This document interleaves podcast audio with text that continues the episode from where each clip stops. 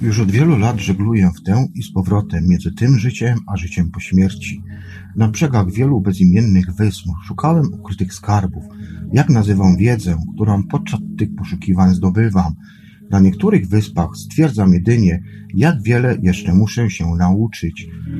Centrum przyjęć w Fokusie 27 życia po śmierci wygląda zupełnie jak świat fizyczny.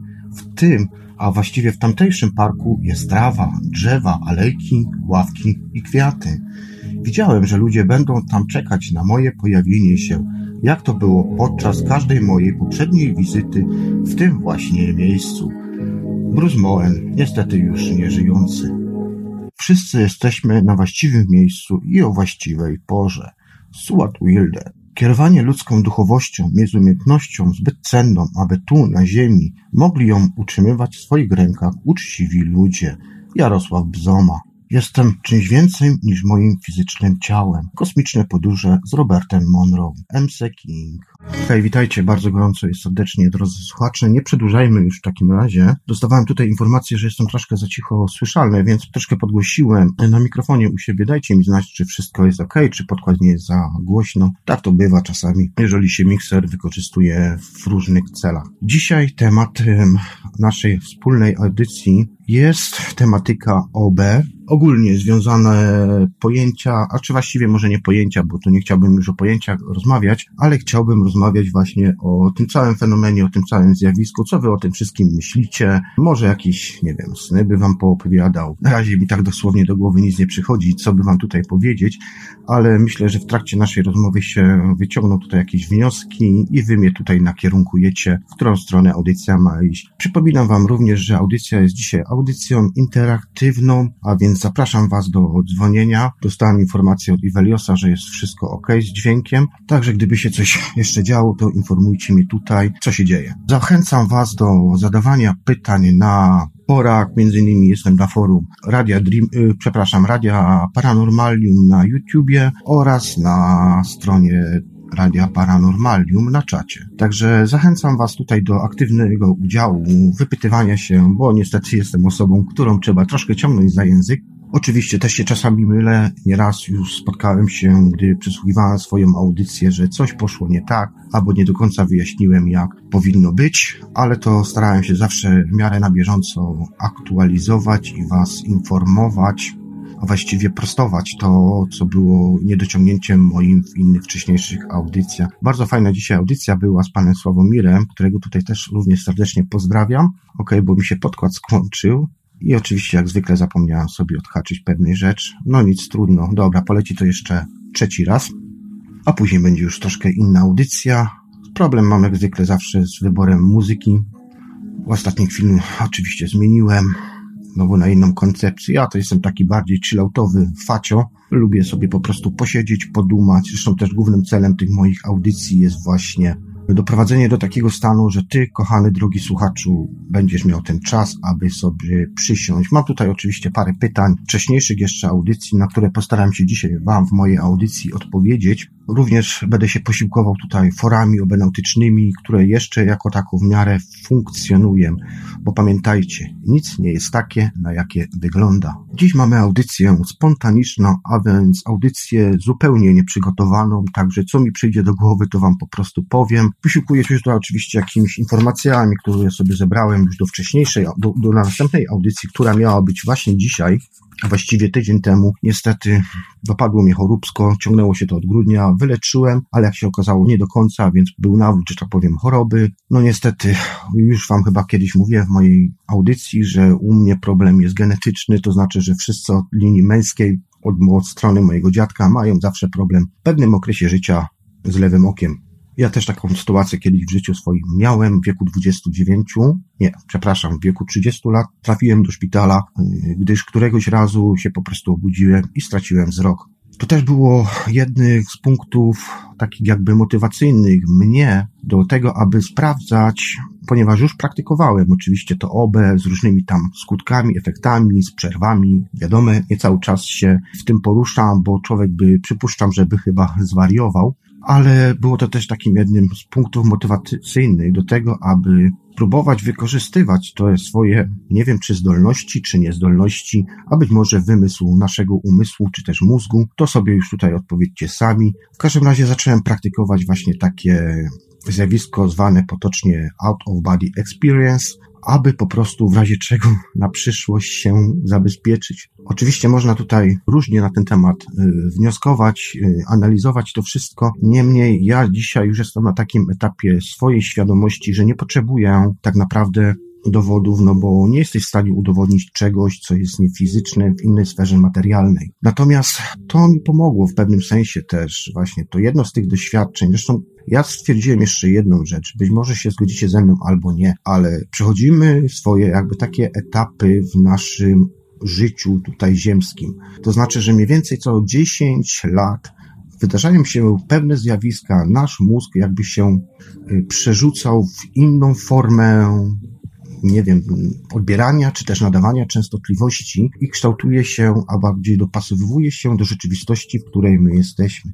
Warunki się zmieniają, wszystko się zmienia, a to, czy będziemy my cały czas tym, kim jesteśmy od samego początku, to już wszystko zależy od nas. Tak naprawdę, jeżeli chcecie zrozumieć fenomen zjawiska OB, musicie po prostu tego doświadczać. Nie można mówić o zjawisku OB, o wyjściu poza ciało na podstawie tylko książek. Okej, okay, są tak zwane autorytety, które o tym mówią. Chyba najbardziej znanym autorytetem jest tutaj oczywiście Instytut Roberta Monroe, na którego się większość ludzi powołuje na całym świecie. Natomiast ja mam, jeżeli chodzi o tą instytucję, troszkę inne zdanie. Nie będę mówił publicznie, co nie do końca się zgodzę z funkcją taką, jaką nam serwują media głównego nurtu, albo nawet i alternatywne media, co ten instytut właściwie robi. Ja mam troszkę swoje inne doświadczenia, oczywiście badałem to również poza ale myślę, że to jeszcze chyba jest nie ten czas, abym mógł, że tak powiem, o tym głośno mówić. Zwolnij swój umysł. Zacznij analizować, ale analizować na swój własny sposób. To jest klucz do tego, abyś zrozumiał, kim ty tak naprawdę jesteś. Przedtem, jeszcze zanim rozpoczęliśmy audycję, leciała audycja Świat oczami duszy, prowadzoną przez pana Sławomira. Oczywiście wiązała się tutaj dość ciekawa dyskusja. Myślę, że trzeba by było ten wątek kiedyś poruszyć. Jeszcze zanim y, wejdę już na taki właściwy tor prowadzenia audycji, kilka garści informacji. Radio Dreamtime zostało uaktualnione o nowe playlisty. Jest tego sporo, tak żebym nie musiał się przez dłuższy czas zajmować, że tak powiem, aktualizacją mm, playlist, tego wszystkiego, co się tam dzieje w radiu. Natomiast jeszcze poinformuję Was o tym, że ustawiona została playlista codziennego chilloutu. Pamiętam już teraz dokładnie, jak to ustawiłem, ale chyba od godziny trzeciej rano do godziny szóstej rano. Jeżeli macie problemy ze snem, czy coś tego typu, zawsze możecie sobie wejść na radio na Dreamtime. Tam macie playlistę ułożoną w taki sposób, aby wam było łatwiej, że tak powiem, dotrwać do godziny powiedzmy szóstej, siódmej w śnie takim jakby hipnotycznym, bo tak naprawdę cały sen to wszystko to jest troszkę taka autohipnoza, można by było powiedzieć. Także zapraszam Was do słuchania tych playlist. Playlisty te są codziennie, automatycznie wskakują. Nie pamiętam dokładnie, nie jestem w stanie Wam teraz powiedzieć, ile to trwa, ale chyba dwie albo trzy godziny, jakoś tak, już kurczę, nie pamiętam. No tak to bywa. Przypominam, że linia Radia Dreamtime jest aktywna cały czas, więc można spokojnie dzwonić od samego początku audycji. Jeśli tylko macie ochotę porozmawiać ze mną, to serdecznie Was zapraszam. Jeszcze tak w ramach przypomnienia, kolejny odcinek audycji Czas Snu będzie to część druga pod tytułu Kontrola Umysłu, gdzie będę już tą audycję nagrywał w tym tygodniu. Kwestia jeszcze dogrania się tutaj z Marcinem, którego oczywiście serdecznie pozdrawiam. Macham do Ciebie, Marcin. Wiem, że jesteś teraz w pracy, w drodze, dlatego nie możesz brać udziału ze mną no niestety musimy po prostu tak kombinować, abyśmy mogli się spotkać e, w jednym czasie, w miejscu tu i teraz i nagrać dla Was audycję. Także najbliższa audycja prawdopodobnie za tydzień będzie już kontrola umysłu czas snu 022. Będzie to część druga. I tutaj mam jeszcze dwie niespodzianki dla Was. Nie wiem jeszcze, czy mi się do końca uda zaprosić, ale w planach jest, już wysłałem zaproszenie, ale ta osoba ma no, dość duży problem, ponieważ jest bardzo hejtowana, trollowana, blokowana przede wszystkim przez Facebook oraz przez y, YouTube. Na YouTube jeszcze jako tako te materiały przechodzą, natomiast gorzej jest z Facebookiem i mam ograniczony kontakt. Niemniej jednak udało mi się nawiązać, nawiązać kontakt z panią Iwoną, która wydaje mi się, że ma dość dużą wiedzę, przynajmniej tak sobie prześledziłem jej kanał, oglądając jej filmiki na YouTubie, więc y, prawdopodobnie z tą panią będziemy mieli może trzecią albo czwartą część. Zobaczymy, jak to wyjdzie, bo na pewno nie będzie to, nie zakończy się ta kontrola umysłu w czasie snu na audycji na dwóch częściach, tylko będzie to przynajmniej trzy, cztery części, więc na pewno, jeżeli tylko się to uda, to z panią Iwoną poprowadzę tą audycję. Oczywiście wszystko się to w czasie rozwinie jak będzie i tak dalej, bo to też trzeba się dostosować do innej osoby. Być może to będzie live, być może to będzie podcast, bo też trzeba to dograć z czasem gościa. Jeżeli chodzi o kontrolę umysłu, to polecam Wam również y, najlepszą chyba w Polsce specjalistką jest pani Ewa Pawela, jak dobrze pamiętam nazwisko. Jeżeli przekręciłem, to przepraszam, ale tą panią możecie spotkać na NTV Janusza Zagórskiego. Ona bardzo często prowadzi tam audycję. Także odsyłam Was również do tej pani do zaznajomienia się z informacjami, jakie ta pani podaje. Oraz jeszcze jedna audycja prawdopodobnie odbędzie się, jeszcze nie mam potwierdzenia, ale myślę, że Michał tutaj nie będzie miał problemów. Już Wam powiedziałem kto. Tak, Michał, czyli prowadzący teorię chaosu, również wystąpi w tej audycji. Mam nadzieję, raczej nie powinno być problemu. Także wysłałem Michał, Michałowi zaproszenie do udziału. Właśnie dokładnie o kontrolę umysłu mi chodzi ponieważ jest to audycja spiskowa, konspiracyjna i oczywiście y, jak najbardziej pasująca do tej właśnie audycji. Na czaty wklejam Wam linka do profilu tej pani, o której wspomniałem przed chwileczką. Wspominam, że w audycji nie ma trollingu ani hejtowania. Wszelkie próby tego typu od razu są blokowane. Nie dopuszczamy do rozwinięcia się trollingu i tego wszystkiego. Ostatnimi czasami miałam taką niemiłą sytuację na YouTubie. Obserwowałem tą osobę przez dłuższy czas, a co, trzeba się, trzeba się, że tak powiem, wyprostować. Obserwowałem tą osobę przez jakiś czas. W pewnym momencie, a dokładnie stało się to po dwóch ostatnich audycjach, kiedy dość mocno zacząłem wchodzić klimaty okultystyczno-satanistyczne. Od tamtego momentu bardzo mocny hejt się na moją osobę zaczął. I mówię tutaj oczywiście o Facebooku, bo głównie tymi kanałami docierały do mnie dziwne informacje, przede wszystkim hejtowanie, próby zastraszania i oczywiście wulgarne słowa i języki. Tego było dziesiątki wręcz. Takie osoby oczywiście od razu blokuję. Każdemu daję szansę. To nie ma tak, że od razu z kogoś zablokuję. Ostatnimi sytuacjami było tak, że również miałem takie sytuacje na czacie YouTube'owym. No ale ile można prosić? Ile można prosić? Nie znając osoby, właściwie obcą osobę, prosząc o to, aby troszkę zachowała swoje te wulgarne słowa na wodzy, nie docierało, nie docierało. W końcu musiałem po prostu tę osobę przeblokować. Choć na początku wydawała mi się ta osoba w cudzysłowie normalną. No ale ciągle coś miała do mojej osoby, nawet na moje prośby, kiedy sprosiłem o wyjaśnienie tej całej nienawiści do mnie, nie była w stanie ta osoba mi podać w ogóle żadnych argumentów. Już nawet nie to, że byle jakich, tylko żadnych byłem zmuszony tę osobę po prostu zablokować. Nie dopuszczamy do treningu, a szczególnie personal, personalnego na osoby. I to nie chodzi tylko o mnie, ale o wszystkich. Ludzie, szanujmy się, szanujmy się, żyjmy i dajmy żyć innym. Powstała bardzo fajna inicjatywa. Znalazła się taka osoba jak pan Tomasz Habza z grupy OBLD poza ciałem Astral Projection Mental, dostępnej na facebookowej stronie bardzo fajna inicjatywa, posłuchajcie, bo może lepiej będzie, gdy, że tak powiem, nagłośnie to w radiu. Wydaje mi się, że to jest bardzo fajny projekt i jeżeli jesteście osobami, które doświadczają OB czy też zjawisk LD, to bardzo serdecznie Was zapraszam do wzięcia udziału w tym projekcie. Czy ja wezmę udział w tym projekcie? Zastanawiam się cały czas. Mm, ja jestem taką bardziej osobą, która stara się nie wchodzić w zależności Y, z innymi, że tak powiem, grupami, z racji tego, że jest to moje doświadczenie, a też nie chcę zaśmiecać swojego umysłu, że tak powiem, innymi rzeczami, teoriami. Ja mam swoją własną wizję swojego własnego, prywatnego wszechświata, poparte moimi doświadczeniami i tak naprawdę nie potrzebuję y, nauczycieli, bo też już były takie um, oskarżenia w moją stronę, że, na, że lansuje się na jakiegoś, nie wiem, zbawiciela, jakiegoś kolejnego sekciarza i tak dalej. Nigdy tak nie było, nie ma i nie będzie. Po prostu jestem osobą prywatną, która po prostu dzieli się z wami doświadczeniami, informacjami, które ja właśnie doświadczam i tylko tyle. Nic więcej. Także proszę tego tak, proszę nie odbierać tego w inny sposób. Przeczytam Wam tą informację pana Tomasza. Jeszcze raz przypomnę, grupa OBLD poza ciałem, Astral Projection Mental, Tomasz Habza. Witajcie. Od dłuższego czasu interesuję się tematyką OBLD, lecz nie miałem większych doświadczeń plus kilku świadomych snów i spontanicznego OB. Ale do rzeczy.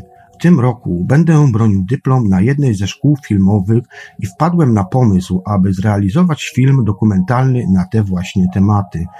Szukam osób bardziej doświadczonych w tej materii, ale i ludzi, którzy zaczynają dopiero swoją przygodę oraz chcieliby się na ten temat wypowiedzieć. Wiem, że powstał już dokument, a jest już on trochę leciwy. Wydaje mi się, że przydałoby się świeższe spojrzenie oraz opowiedzenie na nowo o tym intrygującym zjawisku. Jeżeli jesteś zainteresowany, proszę o kontakt mailowy tomasz.habza małpa gmail.com i bardziej konkretnie przedstawię swoje pomysły na ten temat. Przypomnę jeszcze raz y, adres kontaktowy do tego pana, to jest tomasz.habza.gmail.com Przypominam o otwartej linii telefonicznej. Adres to skype'owy to adres Dreamtime. Zapraszam Was do interakcji i rozmowy ze mną. Jeżeli tylko macie jakieś pytania, w ogóle nie chcecie zadawać pytania, nie wiem, czy Wy się mnie boicie, czy co, czy ja. Dobra, to zacznijmy może od pewnej rzeczy.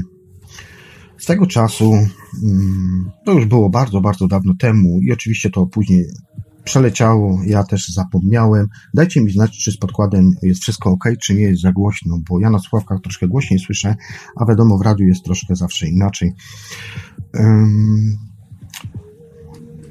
Swego czasu dość dużo korespondowałem z Robertem Noble, autorem książki o bez serce, ścieżka serca, jak dobrze pamiętam, którego tutaj serdecznie pozdrawiam.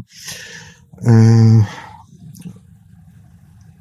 no i korespondowałem sobie z nim, ale tak naprawdę jednym z głównych takich y, rzeczy, którą zwróciło na mnie uwagę, to był eksperyment, który kiedyś przeprowadzał Robert Y, ukazujące nam zjawisko OB, a właściwie udowadniające nam, że coś się dzieje w momencie, kiedy opuszczamy nasze ciało fizyczne. Zjawisko to było zjawiskiem, które polegało właśnie na tym, aby na pewnych częściach ciała pokazać, jakby to Wam powiedzieć, unoszenie się na przykład włosków, no tak naj, najprościej to Wam powiem. Chodziło to o, to o to, aby udowodnić Wam, znaczy Robertowi chodziło bardziej o to, aby po prostu e, pokazać zjawisko elektrostatyczne, które się mm, manifestuje na naszej skórze poprzez włosy, przechodzi i tak dalej, powodując to, że włosy stają dosłownie takiego jakby dęba dostają. No, tak to się mówi, takie powiedzenie jest, y, włosy stają dębem, o coś takiego. Czyli po prostu te włoski się po prostu podnoszą. I to było jedno z doświadczeń właśnie Roberta Noble, którego tutaj również bardzo serdecznie pozdrawiam, Peace of Man. Y, w każdym razie, oczywiście to parę, parę ładnych lat temu oglądałem to, to doświadczenie to, y, Roberta, no i oczywiście z czasem to o tym sobie zapomniałem, ale o co mi tutaj chodzi? Chodzi mi o to, że któregoś razu też postanowiłem zrobić sobie własne doświadczenie. Y, to doświadczenie było robione, tych doświadczeń było wiele, ale takie chyba jedno z najbardziej spektakularnych to było doświadczenie, które udostępniłem na. Najpierw to było doświadczenie na. Hmm, Zresztą ja wam tutaj rzucę może linka do mojej strony radiowej, to sobie tam możecie śmiało wejść i zobaczyć w ogóle ten cały efekt. Oczywiście kontrowersje będą zawsze. Jedni widzą, drudzy nie. No ale no cóż, co, co możemy, co możemy, co możemy zrobić? No. Nie każdy widzi tak samo. Mieliśmy nawet taką dyskusję wcześniej, w trakcie wcześniejszej audycji właśnie z Nosferą odnośnie rzeczywistości. Bardzo ciekawy koncept. Niemniej wróćmy do tego eksperymentu. W tym eksperymencie, moim eksperymencie, który udostępniłem, on był wcześniej udostępniony już w 2016 roku na YouTubie. Niestety na moją osobę wtedy palała się fala krytyki, ponieważ jeszcze tam tam był taki okres, że nie do końca potrafiłem sobie też radzić z hejtem i z tym całym trollingiem. Wiesz, powiedziałem, to ja mam was gdzieś, to nie będę mówił, nie będę wam opowiadał i tyle. Więc wycofałem to. Były takie momenty właśnie też, że czasami też mi nie chciało się nadawać audycji radiowych i tak dalej, i tak dalej. Więc po prostu wycofałem to. No ale ostatnio z powrotem, że tak powiem, powróciłem do tego. Nie wiem dlaczego, właściwie staram się słuchać głosu mojej duszy, Chciała, żebym to rzucił, więc rzuciłem. No i rzuciłem na YouTube'a, podałem wam tam linki oczywiście na czatach, wszystkich, na których jesteśmy, ja i wy. No i rzuciłem ten eksperyment na dzień dzisiejszy, ile, kiedy to było? W sumie dwa tygodnie temu rzuciłem. No, liczba oglądnięć prawie 1500 osób, więc nieźle. Oczywiście, jak zwykle musiały paść też negatywne komentarze, ale do rzeczy. O co mi chodziło w tym eksperymencie? I przede wszystkim w jaki sposób został ten eksperyment przeprowadzony? W eksperymencie chodziło mi o to, aby pokazać, nie udowodnić, nie, nie, nie odbierajcie tego w ten sposób. Chodziło mi o to, aby pokazać, że coś takiego jak zjawisko OB i w ogóle rozdzielenie świadomości jest zjawiskiem prawdziwym i autentycznym.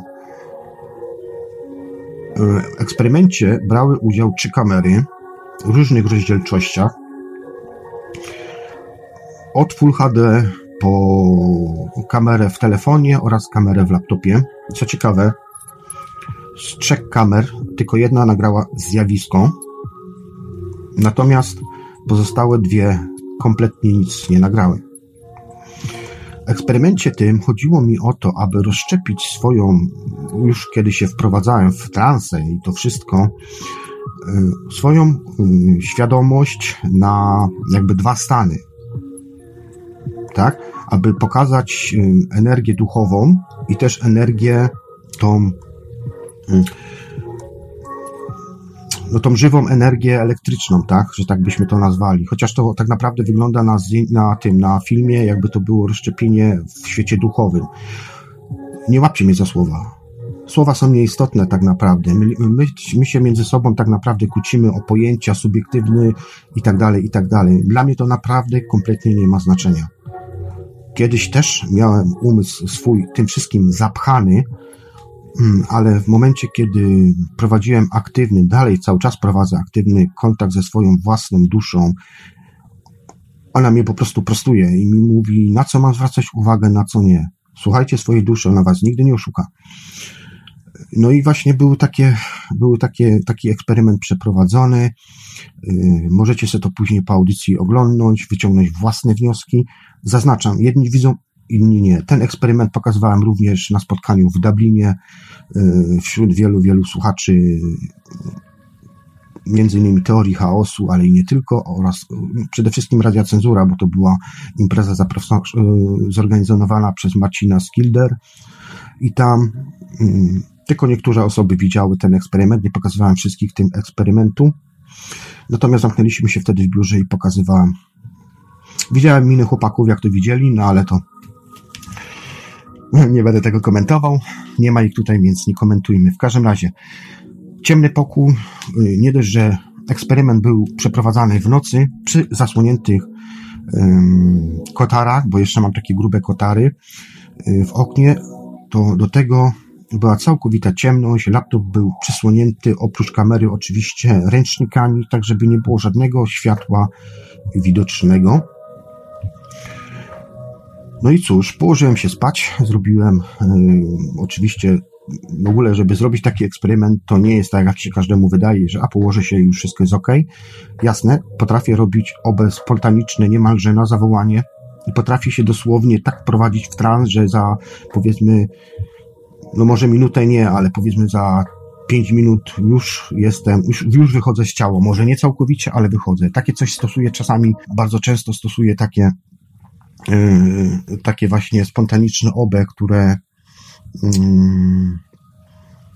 służy mi do tego, aby doładować się energetycznie, ponieważ czasami zdarza mi się, że bardzo dużo latam samolotami, wręcz parę dni spędzam dosłownie na lotniskach i nie zawsze mam też czas i możliwość do tego, aby się wyspać. Dlatego też robię takie spontaniczne jakby wyjścia poza ciało. Ja tam mam oczywiście um, swoją tam strukturę hipnagog i to wszystkiego, w jaki sposób um, oddziaływać na swój umysł, na swój umysł, w jaki sposób um, to robić. Natomiast ym, takie coś właśnie wtedy stosuję, aby się bardzo szybko doenergetyzować i doładować. Ma to swoje oczywiście konsekwencje w późniejszym czasie, ponieważ kiedy stosujemy takie coś, ym, bardzo szybkie doładowanie energetyczne, tu trzeba też pamiętać o tych fazach, fazach wprowadzania się w sen i tak dalej. Można je skrócić, ale to też będzie miało swój efekt tak czy później, tak czy później. Przez pierwsze dwa dni chodzicie normalnie, jakbyście byli, nie wiem, jakbyście fruwali, latali po takim, po takim transie, natomiast później przychodzi ten moment, że no, 24 godziny trzeba jednak od, odespać, ale też trzeba tu pamiętać o tym, że właśnie mm, nie stosować czegoś takiego bardzo często, bo to prowadzi do deprawacji snu. No i to są już zmiany nieodwracalne. Wróćmy do tego eksperymentu. No i był to ciemny pokój, łóżko, ciała fizycznego na tym filmie oczywiście nie widać, bo było zbyt ciemno. Pewnie jakby tam coś, jakąś obróbkę zrobił, to by było widać. Natomiast tutaj to nagranie, które jest wrzucone, jest to nagranie autentyczne. Mam oryginalną kopię również w laptopie, więc bez żadnych jakichś takich obróbek, tego typu rzeczy. Po co bym miał to robić? Bez sensu. W każdym razie zrobiłem ten eksperyment. Y, na dwóch kamerkach się nie nagrało, na jednej się nagrało, przygotowywałem się, wprowadzałem się w transy i na eksperymencie zrobiłem taki pomocniczy rysuneczek, ponieważ nie każdy to widzi, nie wie, nie wie w jaką stronę ma, w którą stronę ma przede wszystkim patrzeć, dlatego zrobiłem taki screen tego filmu, gdzie takim kółeczkiem podpisałem co, gdzie jest co, na w tle oczywiście jest materac, który niektórzy kiedyś, kiedy jeszcze wrzuciłem tam na YouTube'a, pisali, że, że to jest sznur. Nie, to nie jest żaden sznur. To jest po prostu połączenie dwóch materacy, po prostu taka ciemna, pionowa linia. To nie jest żadne połączenie ciała fizycznego z ciałem astralnym, energetycznym i tak dalej, i tak dalej. Y, więc jest tam moment, jest tam moment pokazany właśnie rozdzielenia na dwie świadomości, jakby takie pośrednie, co też pokazuje nam, że możesz że możesz przebywać w dwóch miejscach jednocześnie, właściwie w trzech miejscach jednocześnie.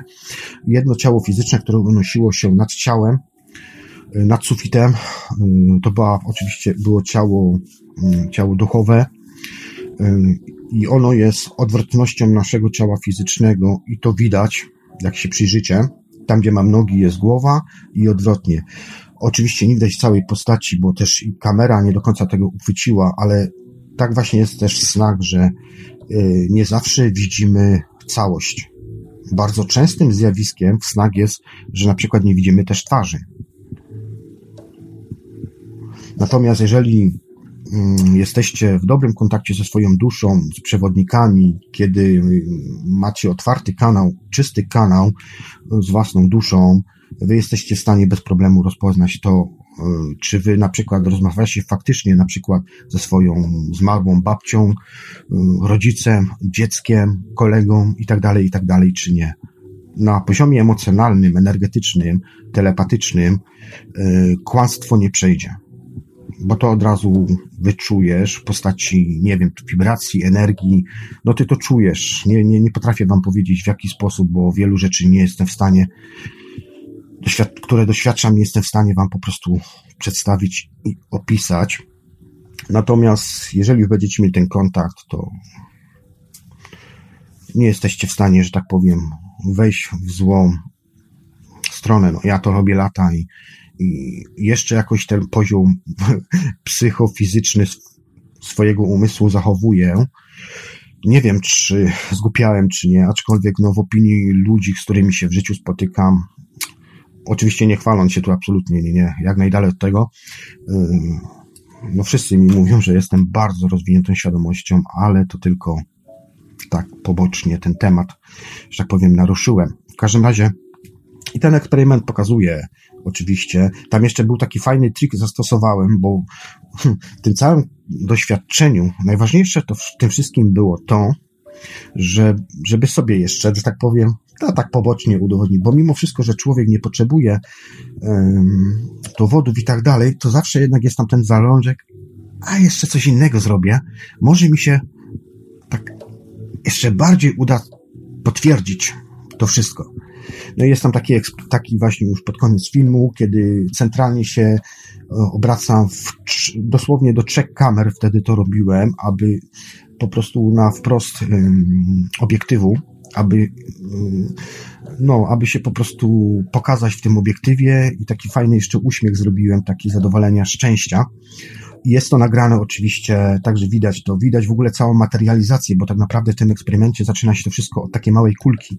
Jak sobie byście wzięli na przykład to nagranie, przepuścili przez jakieś filtry, filtry na przykład energetyczne, które pokazują energetykę i tak dalej, czy na podczerwień, czy jeszcze w czarno-białym kolorze, czy coś, to wszędzie będzie tu widać taką małą kuleczkę i ta kuleczka się rozrasta.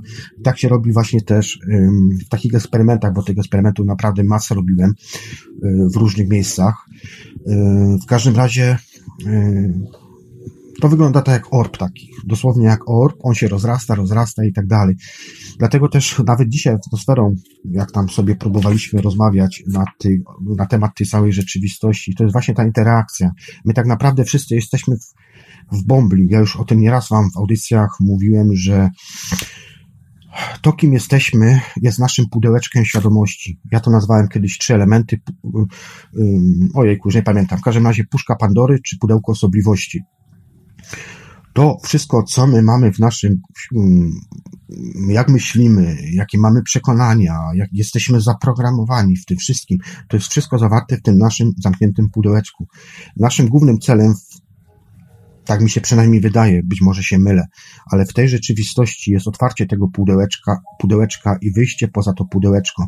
Niektórzy mówią pudełeczko, niektórzy mówią bombla, każdy ma tą bąblę, to widać choćby nawet na zdjęciach kilianowskich, gdzie tą aurę można zobaczyć, ale i nie tylko, bo poza też można zobaczyć, chociaż to nie zawsze widoczne. A jak tam, kochani, u Was obserwacje księżyca z wczorajszego dnia? Bo ja robiłem takie coś, wybudziłem się. To był taki, w ogóle te miejsca, które, znaczy inaczej, ten czas, kiedy są właśnie takie super księżyce, czerwone księżyce, jest takim czasem, który w jakiś dziwny sposób potęguje pewne energie. Nie wiem, jak mam to wytłumaczyć, ale te jakby, nie wiem, pewne moce zwielokrotniały się. Ja wczoraj się również wybudziłem, no i wstałem sobie jeszcze taki lekko zaspany. Wyszedłem na papieroska sobie w nocy na swój własny ogródek. No i tak sobie obserwuję, obserwuję, mówię, ale kurczę, jasno dzisiaj strasznie, nie? Patrzę na księżyc, księżyc taki czerwony właściwie e, dopiero się zaczynała ta cała faza i zrobiłem eksperyment wczoraj sobie, tak wróciłem z powrotem do, do, do pokoju swojego, wziąłem telefon komórkowy, zacząłem chyba z 50 zdjęć napstrykałem, jakiś film nakręcałem, ale że byłem jeszcze lekko zaspany, no to okazało się, że coś mi się dzieje chyba. Rwie coś? Dobra, w każdym razie chyba już jest ok. W każdym razie nagranie całe będzie. Nadaję poprzez VPN-y, dlatego czasami y, dzieje się tak, że coś można lekko przerwać. W każdym razie zrobiłem chyba z 50 tych zdjęć i nagranie oczywiście przetarłem oczy. Okazało się, że mam całą pamięć w telefonie zapełnioną, więc musiałem na szybkiego coś tam pousuwać i zaczynałem na nowo nagrywać. Przepraszam, zdjęcia robić. Naczaskałem parę tych zdjęć. Wczoraj w nocy wrzuciłem te zdjęcia również na profil Radia Dreamtime oraz no, tam na wiele profilów oczywiście udostępniłem. Bardzo dziwne zjawiska się działy. Oczywiście na oryginalnych zdjęciach, bo to są dość dużej, wysokiej rozdzielczości, aczkolwiek są to robione zdjęcia aparatem, przepraszam, telefonem komórkowym, więc nie oczekujcie nie wiadomo czego. Mam swój własny teleskop, manualny niestety, bo jeszcze mnie nie stać na taki teleskop za 15-20 tysięcy złotych, aby go połączyć z komputerem. I mam go w Polsce, no niestety nie tutaj, skąd nadaję. Natomiast y, zrobiłem sobie takie zbliżenia, przybliżenia tego wszystkiego. Okazały się bardzo dziwne rzeczy, między innymi jakieś takie właśnie dziwne, nie wiem, czy to wygląda to jak nie niektóre jak, jakieś statki, jak jakieś panele, Holender wie. Być może jest to błąd tylko matrycy telefonie czy coś, nie wiem, nie mam pojęcia, ale szczególnie właśnie to jedno zdjęcie jest takie dziwne, na którym widać takie jakby dwie twarze. No, jest to troszkę zastanawiające. Powiem Wam szczerze, że w moich eksperymentach, kiedy na przykład w Londynie żeśmy robili, próbowałem w jakieś sfery wejść niefizycznych światów, to również pojawiały mi się pewne twarze. Zresztą jak zrobicie sobie tutaj na przybliżenie, na oczy, szczególnie tej jednej z postaci, no to możecie coś zobaczyć. Nie będę Wam mówił co. Ja już Wam teraz wklejam linka, abyście sobie mogli na grupie Y, przepraszam, na Facebooku Radia Dreamtime sprawdzić te zdjęcia i po prostu wyciągnąć swoje własne wnioski. Ja nikogo do niczego nie namawiam, nie sugeruję, bo to nie o to chodzi. Chodzi o to, żebyście sobie sprawdzili. Nie jest to żadny fake, fotomontaż, są to moje oryginalne zdjęcia. Jeżeli ktoś potrzebuje, mogę udostępnić oryginalne zdjęcia w rozdzielczości 4000 tam ileś, na, na ileś tam. Na oryginalnych zdjęciach tego oczywiście tak nie widać, no nie, bo Tutaj te zdjęcia, które umieściłem na Facebooku, no musiałem w jakiś sposób zrobić te zbliżenia, przybliżenia i, że tak powiem, wyciąć te miejsca, które pokazują właśnie te dziwne miejsca. Oczywiście wszystkiego nie wyciąłem, bo nie starczyłoby mi na, na tej stronie całej tego zdjęcia y, miejsca, aby to wszystko umieścić, ale, ale są pewne dziwne rzeczy, no, dziwnie widoczne. Takich obiektów mam oczywiście w swojej kolekcji zdjęć więcej. Tutaj oczywiście są tylko zdjęcia wrzucone z wczoraj. Jest taka teoria, że, widzimy, że każdy widzi co innego. Jedni widzą, inni nie. Albo inaczej, widzimy to, co chcemy zobaczyć. Być może moja konstrukcja mojego prywatnego wszechświata jest właśnie tak zrobiona, że ja pewne rzeczy, artefakty widzę, a niektórzy nie. Wydaje mi się, że to jest kwestia otwartości umysłu, ale może się mylę. Zapraszam Was tutaj do dzwonienia, interakcji, bo właściwie nawet nie chcecie zadawać za bardzo pytania i też nie za bardzo no, wiem, o czym z Wami mam rozmawiać, a chciałbym, aby po prostu się jakaś taka fajna dyskusja ciągnęła. Po prostu. Jeżeli chodzi o zjawisko OB, to w zjawisku OB, jeżeli widzimy jakieś inne postaci, to bardzo ciężko jest zobaczyć je z twarzy. Już wspomniałem o tym wcześniej tutaj w audycji, Generalnie w miejscach oczów są to czarne, puste oczodoły, pod warunkiem, że Wam się oczywiście dostroić datach, abyście to zobaczyli. Powstała koncepcja, aby zrobić wspólną audycję z panem Sławomirem, więc już na, tą, na, ten, na ten moment mogę wam powiedzieć, że taka audycja prawdopodobnie się odbędzie. Ja wyraziłem zgodę. Nie widzę problemów. Oczywiście nie mam pewnie takiej wiedzy znowu też pojęciowej jak pan Sławomir, ale ja bardziej jestem, tak powiem, doświadczaczem, a więc pojmuję, rozumuję w to, w jaki sposób przedstawia mi pewne, pewną wizję, pewien świat, y, moja własna dusza i moje własne doświadczenia poza ciałem, ale myślę, że będzie, byłaby, na pewno będzie bardzo ciekawa audycja właśnie w tej tematyce. Dobierzemy tu oczywiście temat wspólnej tej audycji i wy również możecie wziąć w tym udział. Dlatego was teraz już zapraszam pod audycjami, czy to pana Sławomira, czy moimi, o dawanie propozycji tych tematów, jaki temat byście chcieli, abyśmy wspólnie poruszyli. Enu tutaj pisze na czacie YouTube'owym, że bardzo niska jakość optyczna. Y, odnieś się Enu do jakiego, do, do czego? Czy do eksperymentu, czy do tego nagrania tych zdjęć wczoraj z tego czerwonego księżyca? Ja już mówiłem tutaj w audycji, że tu, jeżeli chodzi o facebookową stronę Radia Dreamtime, zostały rzucone zdjęcia o niższej rozdzielczości, ale jeżeli ktoś by chciał do analizy czy coś, ja tu nie widzę żadnego problemu. Mogę z chęcią mu udostępnić takie zdjęcia. Wtedy, kiedy obserwowałem to całe zjawisko wczoraj, kompletnie nic nie widziałem. Dopiero na zbliżeniach na komputerze, kiedy zrobiłem sobie właśnie, yy, kiedy zrzuciłem sobie te zdjęcia na komputer, dałem zbliżenia, to właśnie zauważyłem. To to jest pierwszy raz zresztą, bo mówię, tych yy, nagrań, tych zdjęć i wideo też również mam w swojej kolekcji sporo. Oczywiście nie każdą też, nie każdym też zdjęciem się dzielę ze społecznością, no bo nie wszystko muszę dawać. Tak jak wspomniałem Wam wcześniej, kolejne audycje o kontroli umysłu w czas snu części drugiej bądź trzeciej. Na pewno, no co, mogę Wam tylko powiedzieć, bo sobie tu zapisałem w notatkach. Powiem jeszcze na pewne pytania słuchaczy, ale to specjalnie te pytania trzymam do tego, aby odpowiedzieć już w przyszłej audycji. Oczywiście, jeżeli mi się uda Michała bądź Panią Iwonę zaprosić, to również ona tutaj pewnie coś ze swojej strony powie. Na pewno będę chciał wspomnieć o wojskowej kontroli umysłu. Zrobię kategorię, że tak powiem. Technologii 5G coś żeśmy już wspominali w wcześniejszej audycji z Marcinem, ale jeszcze rozwiniemy ten temat, bo uważam, że to jest bardzo, bardzo ważny temat. Jak wspomniałem we wcześniejszych audycjach, jest to dopinanie systemu. Punkt emocjonalny. Czy ktoś wie z Was może, gdzie znajduje się punkt emocjonalny w naszym ciele? Jak myślicie, w którym miejscu się taki punkt znajduje? Tutaj jeszcze patrzę w notatniki. Okej, okay, to nie, to nie. I jeszcze jedna sprawa. Wiele ludzi doświadczających, czy to zjawiska OB, czy LD, czy innych stanów świadomości, bardzo często odwołuje się do energii miłości serca. I to jest prawidłowe. Oczywiście nie neguję tego, tylko że hmm, takie moje drugie pytanie. Czy wiecie, gdzie znajduje się punkt łączący nasze ciało fizyczne z tym pierwszym ciałem niefizycznym? Bo to jest taka pewna struktura też. Zresztą tak samo w OB jest. Nie wiem, czy wiecie, ale w OB ja to bardziej rozszerzam na swoje pojęcie i mówię o tak zwanym dolnym OB. To jest ta najbliższa nasza warstwa tutaj, gdzie na samym początku właśnie mamy te paraliże i zaraz wychodzimy, gdzie jesteśmy atakowani przez pewne byty, pewne istoty i tak dalej, i tak dalej ale to jest ta najniższa warstwa. Natomiast świat astralny tak naprawdę składa się z siedmiu warstw. O właśnie, jeszcze raz wam wspomnę pewną osobę, tylko przerwę zrobię za chwilkę i znajdę tego pana, bo teraz mi do głowy to przyszło. W każdym razie świat astralny składa się z siedmiu jakby pierwszych warstw. Oczywiście to są wszędzie jest ta sama symbolika tych bombli. W pewnym sensie my ludzie jesteśmy właśnie też takiej bombli.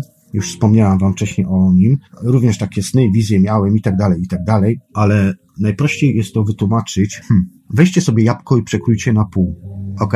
I tym my, tym czym jesteśmy, to jesteśmy tym, tą pestką w tym jabłku. Jabłko czy cebula? Cebula byłaby chyba lepszym takim, lepszą taką formą. Zresztą ostatnio mi moja znajoma powiedziała, że ja mam wiele warstw cebuli. Trochę dziwne, ale jakoś to wyczuła. Ominomi zapytuje na czacie YouTube'owym Radia Paranormalium Ominomi, jak nazywa się ta pani, o której na początku wspomniałeś, która występowała u pana Zagórskiego w Niezależna TV. Tą osobą, ona bardziej, ona jest taką specjalistką od kontroli umysłu, jest to Ewa Pawela. Jak dobrze pamiętam, Ewa Pawela. Tutaj Just Me na czacie Radia Paranormalium pisze To ma pan koszmarne obe, puste oczodoły, brrr. Osobiście nie widzę twarzy, nie widzę rąk i tego typu rzeczy, tylko kształty energii, bardziej przypominające wielką gruszkę. Just Me. Ja nie mam koszmarów. Ja nie mam koszmarów. Oczywiście puste oczodoły, ale to też nie zawsze. Ja już mówiłem chyba o tym, albo nie mówiłem. W każdym razie na tych najwyższych Widzicie, bo to też trzeba zrozumieć typy podróży jedne z najbardziej emocjonalnych podróży to są podróże y, duchowe. Bo to są, tak powiedziałam was, wam wcześniej, żeby coś zobaczyć w poza, inaczej, tak naprawdę widzimy w poza w tych, no powiedzmy, że siedmiu warstwach świata astralnego. Na każdej warstwie tego świata astralnego znajdują się pewne krainy. Każda kraina jest jakby, nie wiem czy dobrych słów użyję, ale odpowiedzialna za coś. To znaczy, że na przykład w jednej części krainy w tej warstwie na przykład znajdują się dusze oczekujące, w innej na przykład warstwie doświadczamy czegoś innego, w trzeciej duszy, na trzeciej warstwie na przykład spotykamy się mm, z podróżnikami astralnymi i tak dalej. Ale tak naprawdę, kiedy wyskoczymy, bo to ja już wspominałem o tym we wcześniejszych audycjach, że widać taką mgiełkę wokół Ziemi, taką ogólną mgiełkę, która później jak schodzimy niżej, czuć to inaczej. Najlepiej wyrwać, że jakbyście się chcieli wyrwać tej sfery astralnej, to tam tylko mentalnie podróżujesz. Nie ma innej możliwości, żeby się przebić przez tą warstwę. Dopiero później wyskakujesz już ten kosmos jakby, gdzie jesteś tylko i wyłącznie świadomością, myślą. Podróżujesz. Ja na przykład dzisiaj przed audycją parę godzin się przespałem, że tak powiem, dlatego troszkę wstałem zaspany na audycję pana Sławka i nie do końca słyszałem całej audycji i nie do końca też wiem, o czym ta audycja była, ale prowadziłem się dzisiaj w trans, nawiązałem dialog ze swoją własną duszą i poprosiłem ją o to, aby pokazała mi pewne światy, oczywiście, które ona mi zasugeruje, bo ja nie chciałem programować się w taki sposób, aby widzieć konkretny świat, tylko właśnie chciałem, żeby mi pokazała pewne światy i też, żeby miał ten materiał na dzisiejszą też właśnie audycję. I byłem w takich różnych dzisiaj światach. Odbywa się to naprawdę różnie. Jednym z takich światów, do którego dzisiaj poleciałem, tych światów było parę, to były światy, w której było bardzo dużo zieleni. A jak wiemy, zieleń to jest jeden z elementów informujących już nas na samym początku, jaką tą podróż będziemy mieli. Podróże duchowe są kojarzone w większości przypadków, nie zawsze, ale w większości z kolorem zielonym.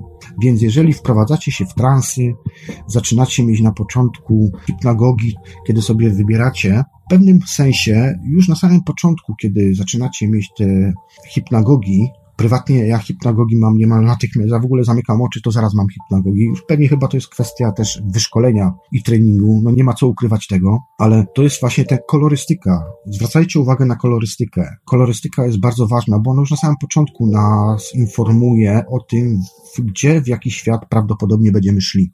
Nie ma się tutaj czego bać. Zawsze jest pierwszy raz ten sam, najgorszy. To jest ten strach i lęk, który nas wszystkich tutaj ogranicza. Ja też się czasami boję. Nie ma tak, że pomimo, że wydaje mi się, że jestem doświadczoną osobą i tak dalej, ale też czasami mam takie momenty, że gdzieś tam troszkę nawet wbrew woli duszy, gdzie dusza mi mówi, a może byś tam nie próbował, czy coś na zasadzie, czy przewodnicy astralni, yy, a ja i tak idę. Nie zawsze mi się to udaje, ale czasami mi się udaje i również dziwne rzeczy się dzieją. Także to jest taki jeden z głównych tych. W każdym razie dzisiaj jedna z takich podróży, którą dzisiaj miałem, wyleciałam poza tą całą bombę astralną tej najniższej y, warstwy astralu. Przez te wszystkie później przebrnąłem. Jest taki element, kiedy się człowiek zaczyna przebudzać i wychodzi to w tym momencie jest goniony przez pewne byty astralne. Ja już o tym kiedyś wspominałem w swoich audycjach, dlatego też wysnułem kiedyś taką teorię, że tak naprawdę ten najniższy astral to jest pewnego rodzaju forma iluzji, y, hologramu, nie ma bardzo, bardzo dopasowana do rzeczywistości tutaj, tej naszej realnej. Jest to nieróżnie pokazywane. Kłóci się to czasami z moimi myślami, moim rozumowaniem tego wszystkiego, tych całych struktur, jak to wszystko wygląda, bo na przykład jednego razu jest mi coś pokazywane, na przykład, a w drugiej wizji jest to zaprzeczeniem tego, co wcześniej widziałem.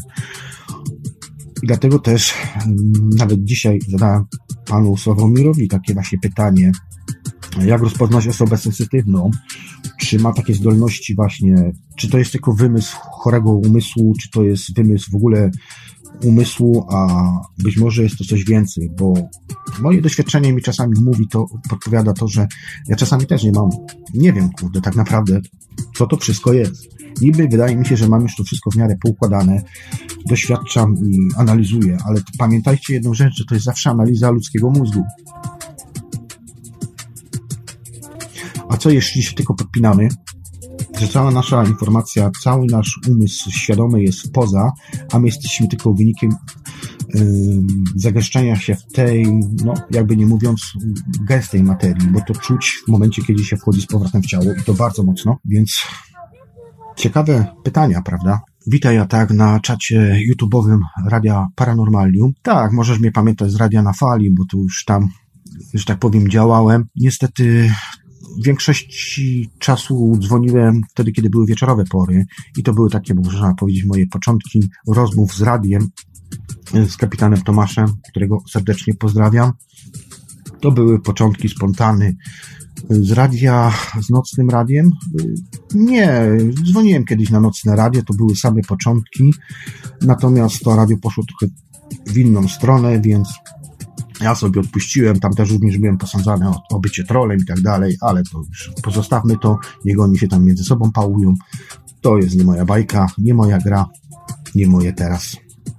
Swego czasu próbowałem również do audycji zaprosić Jarka Bzomę oraz Zbyszka Mrugały. Mam oczywiście ich znajomych, czasami się tam dość mocno chodziliśmy w jakąś polemikę między sobą. Zresztą Zbyszka, Zbyszka jak i Jarka bardzo szanuję za to, co robią. Oczywiście każdy ma swoje pojęcia, każdy swoje ma definicje, swoje filozofie. Nie z wszystkim się musimy oczywiście zgadzać, ale i tak w sumie wszyscy mówimy o tym samym. Także bardzo serdecznie pozdrawiam tutaj Zbyszka oraz pana Jarka, którzy też w pewnym sensie byli inspiratorami do tego, aby powstała audycja Czas Snu, choć tak naprawdę Czas Snu jest, wywodzi się głównie z Radia na Fali. to właśnie z tego radia ta audycja, że tak powiem, przywędrowała do Radia Paranormalium oraz Radia Dreamtime. Być może mi się kiedyś jeszcze uda ich zaprosić. Jakoś tak było, że wysłałem do nich kiedyś zaproszenia. No nie za bardzo była chyba ta reakcja, ale wiem, że tam Zbyszek miał dość dużo pracy i tak dalej, bo on jest chyba malarzem, z tego co pamiętam, artystą.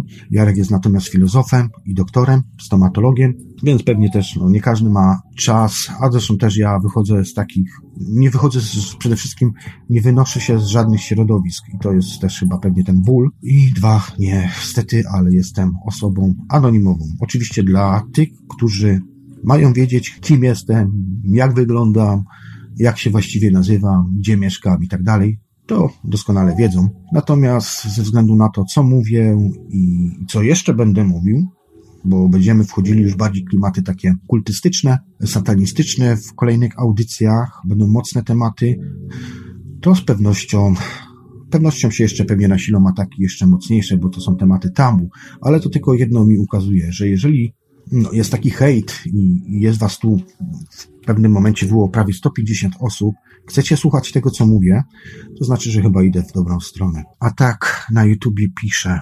Tomka również wspominam i pozdrawiam, czyli moje pierwsze skojarzenia były dobre. Oczywiście. Świat jest odbiciem nas samych. Kiedy nienawidzimy siebie, nienawidzimy każdego.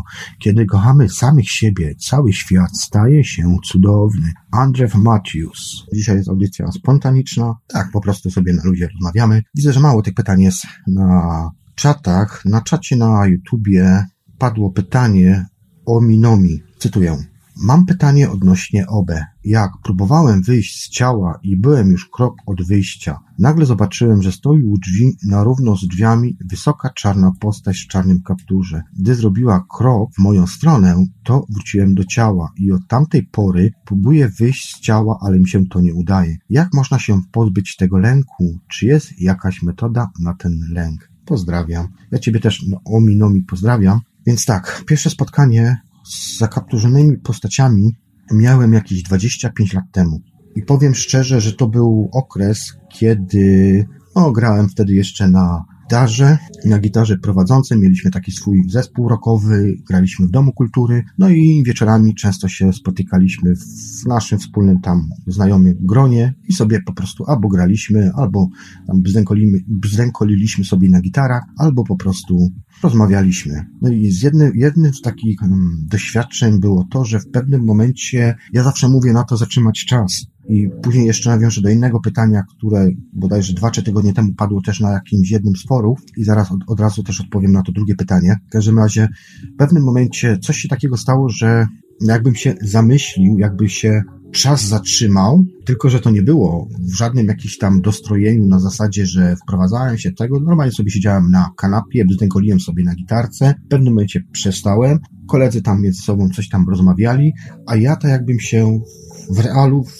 tej rzeczywistości dostroił do pewnej innej rzeczywistości. Napomnę tylko tutaj, ja już chyba tą historię kiedyś wspominałem szerzej, napomnę tylko tutaj, że był to dom, właściwie nieszczęśliwy dom, ponieważ w tym domu z mojego kolegi zmarł ojciec. Później była tragedia w postaci wypadku samochodowego, gdzie zginęła matka, kolegi brata i tak dalej, i tak dalej. Także w tym domu się działy też równe y, rzeczy. Y, wiadomo, jak jest człowiek młody, nastoletni, kiedy nagle traci y, rodzica, jednego z rodziców, drugi rodzic jest za granicą, tak naprawdę on z bratem utrzymuje ten cały dom, plus tam jego żona oczywiście. W pewnym momencie, kiedy nawarstwiają się te wszystkie problemy, zaczynają się dziać różne rzeczy, różne rzeczy i on również w pewnym momencie próbował popełnić po prostu samobójstwo. Ciężar młodego człowieka, 16-18-letniego był tak duży, że po prostu próbował też popełnić to samobójstwo. I on też, pamiętam z jednych, w wielu rozmowach rozmawialiśmy, to opowiadał mi różne rzeczy, które się w tym domu działy. Ja sam zresztą też widziałem nieraz. To było już na przykład po wypadku, kiedy żona właśnie jego brata zginęła w wypadku samochodowym. To było w ogóle w mediach ten wypadek kiedyś tam przedstawiany, ale nieistotne, nie wracajmy do tego. Nieraz było takie coś, że właśnie tam w ogóle u nich zawsze było światło zaświecone, bo dziwne się rzeczy działy, na przykład światła gasiły się same na przykład, drzwi się same zamykały, takie rzeczy były. I jednym z tych doświadczeń właśnie kiedyś tam brzdękoliłem na tej gitarze, to było coś takiego jak to, że ja się jakbym w realu dostroił do jakiejś innej rzeczywistości. E, był to właśnie taki mnich, który przechodził przez pokój, zatrzymał się na środku pokoju, to był jeden mnich, popatrzył się tylko na mnie, w ręce miał, y, miał takie koraliki jakby wokół pasa, z której zwisały. On wyglądał jak jakiś taki mnik, nie wiem, franciszkanin czy coś, nie znam się na tym, więc sorry, jeżeli coś pomylę.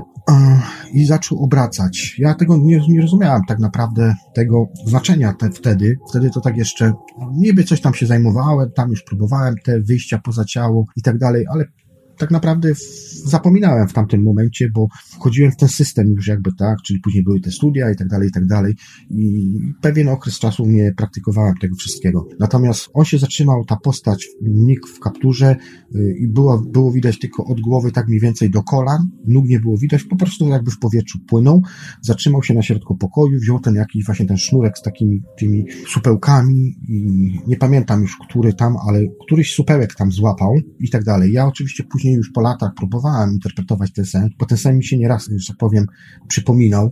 Dużo się przypomina, że to też jest sygnał od naszej duszy, bo jeżeli coś wam się powtarza ciągle, to znaczy, że musicie coś, musicie skierować swoją uwagę właśnie na ten tor, bo okej, okay, teraz możecie zapomnieć przez rok, dwa, trzy, pięć lat wam się to nie będzie przypominać, ale i tak z czasem będziecie po prostu e, dostawali kolejne sygnały. Jeżeli dalej będziecie brnęli nie tą drogą, którą was, którą was, was wasza dusza próbuje ukierunkować, no to będziecie mieli jakieś zdarzenia. Na przykład u mnie było takim zdarzeniem w 2017 roku. To już niedługo będzie dwa lata z wypadku. Tam też już wam to o tym opowiadałem, więc tu nie będę mówił. W każdym razie widziałem takie coś.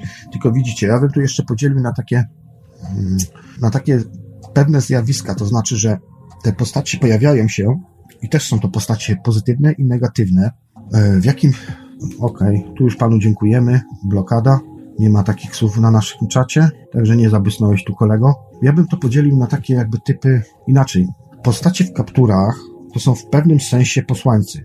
To są Oczywiście są też negatywne energie, które podszywają się pod to i zaraz Wam podam przykład. Zresztą ja też o tym przykładzie już kiedyś, tam dawno, dawno temu wspominałem, gdzieś tam. W każdym razie ta pozytywna, bo ja ją odebrałem jako pozytywna, aczkolwiek no wiadomo, no, był lęk, był strach, bo coś się pojawiło, co nie powinno się pojawić i chyba tylko jedna osoba w tym pokoju, kiedy byliśmy tam wtedy wszyscy razem, tak naprawdę to też przyuważyła, bo później pamiętam, jak żeśmy się wzrokami wy, wy, wymieniali, a tylko ta jedna osoba, że takie spojrzenia mieliśmy na siebie, co to było, no nie, ale oczywiście nigdy na ten temat później już nie rozmawialiśmy, ale to takie, takie dziwne, dziwne zdarzenie miałem. Później sobie to zinterpretowałem, ten sen oczywiście, tą całą moją wizję, bo właściwie ja już nie mówię sny, ja już mam wizję, a nie sny. Zinterpretowałem to sobie po swojemu, ale jeszcze na przykład tu w Anglii, na przykład gdzie teraz jestem, przebywam, e, również miałem takie no takie wizje, gdzie wprowadzałem się w obę, w trans i tak dalej i również, tak jak tutaj słuchaczu u Ciebie, przypomnę jeszcze raz o Minomi,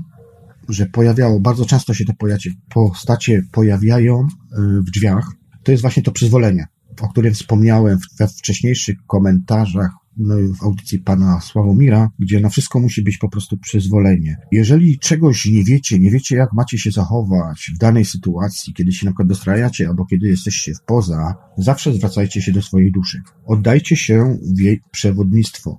Może i to brzmi fajnie, ale za każdym razem, kiedy macie dobry kontakt ze swoją duszą, objawia wam się to waszym uśmiechem. Wy to czujecie cały, całą, każdą komórką wasze, waszego fizycznego ciała, jak i niefizycznego. Tak bym to nazwał. Wy to czujecie, dostajecie takiego po prostu turbo jakby doładowania i czujecie taką pewność. I nagle ten strach, który mieliście wcześniej, kiedy oddajecie się w prowadzenie, w kontrolę własnej duszy, będziecie wiedzieć, będziecie, tego się nie da po prostu oszukać, że to jest właśnie ten connect, to po prostu w tym momencie nie ma lęku, nie ma strachu. Idziecie wszystko. Ja teraz właściwie jakąkolwiek bym sytuację w poza nie miał, ja od razu idę. Jak tylko padnie pytanie, na przykład lecę tunelem, jest jakiś tam na przykład tunel, on się gdzieś tam rozgałęzia, bo czasami jest tak, wiecie, pokazywane w naszych snach, że, czy wizjach, że podróżujemy jakby takimi tunelami, i tak dalej. Często na przykład przylatujesz na przykład taki tunel jest na przykład powiedzmy w kosmosie i na przykład przed jakąś planetę, to na,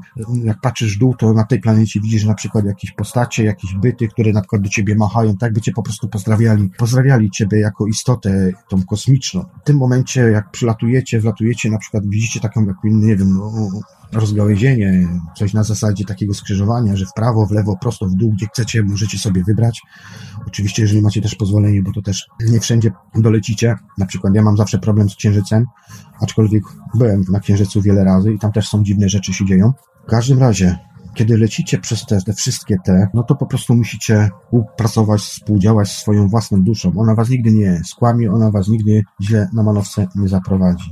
Inny przypadek, oczywiście miałem, tak powiedziałem, tutaj w Wielkiej Brytanii również taki przypadek, gdzie spotykałem taką postać zakapturzoną. Na poziomie energetycznym, na, na poziomie emocjonalnym, na, na poziomie e, tego klepienia, tego wszystkiego e, w tą jedną jakby maść, która składa się na tą świadomość, to się po prostu wyczuwa telepatycznie na odległość.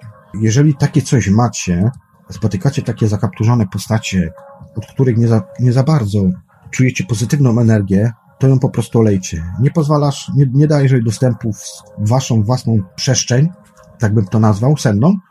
Koniec. Wypierdzielaj i nie macie tu i, tyle. I ta po prostu postać, która będzie próbowała się do was dostać, bo ona musi mieć pozwolenie. Tutaj jak z wampirami, coś na tej zasadzie? Okay? Można powiedzieć taki wampir energetyczny. To jest coś na tej zasadzie, że jeżeli nie dacie pozwolenia, to choćby nie wiem, co ona próbowała robić i tak dalej, nie będzie robiła, ona się po prostu wycofa. Nawet nie będzie próbowała, bo ona wie, jaką jesteście potężną istotą. Inny taki przykład miałem na przykład też, że latałem w jakiejś sferze astralnej, której na przykład była jakaś wojna. Ja brałem udział w jakiejś wojnie, y, ludzkość mieszkała w takich jakby podziemiach, y, takie były domy po podziemią. Ja w którymś tam śnie wleciałem w takie właśnie podziemie, w takie jakby laboratorium. W tym laboratorium była jakaś taka właśnie postać. Wyglądała ona jak człowiek, Oczywiście, kiedy widziałem, że tam jakimiś fiołkami rusza, coś tam robi, jakieś dziwne laboratorium. Na środku było łóżko, tak jak w szpitalu mniej więcej. No i w pewnym momencie ja tak chodziłem po tym laboratorium, obserwowałem.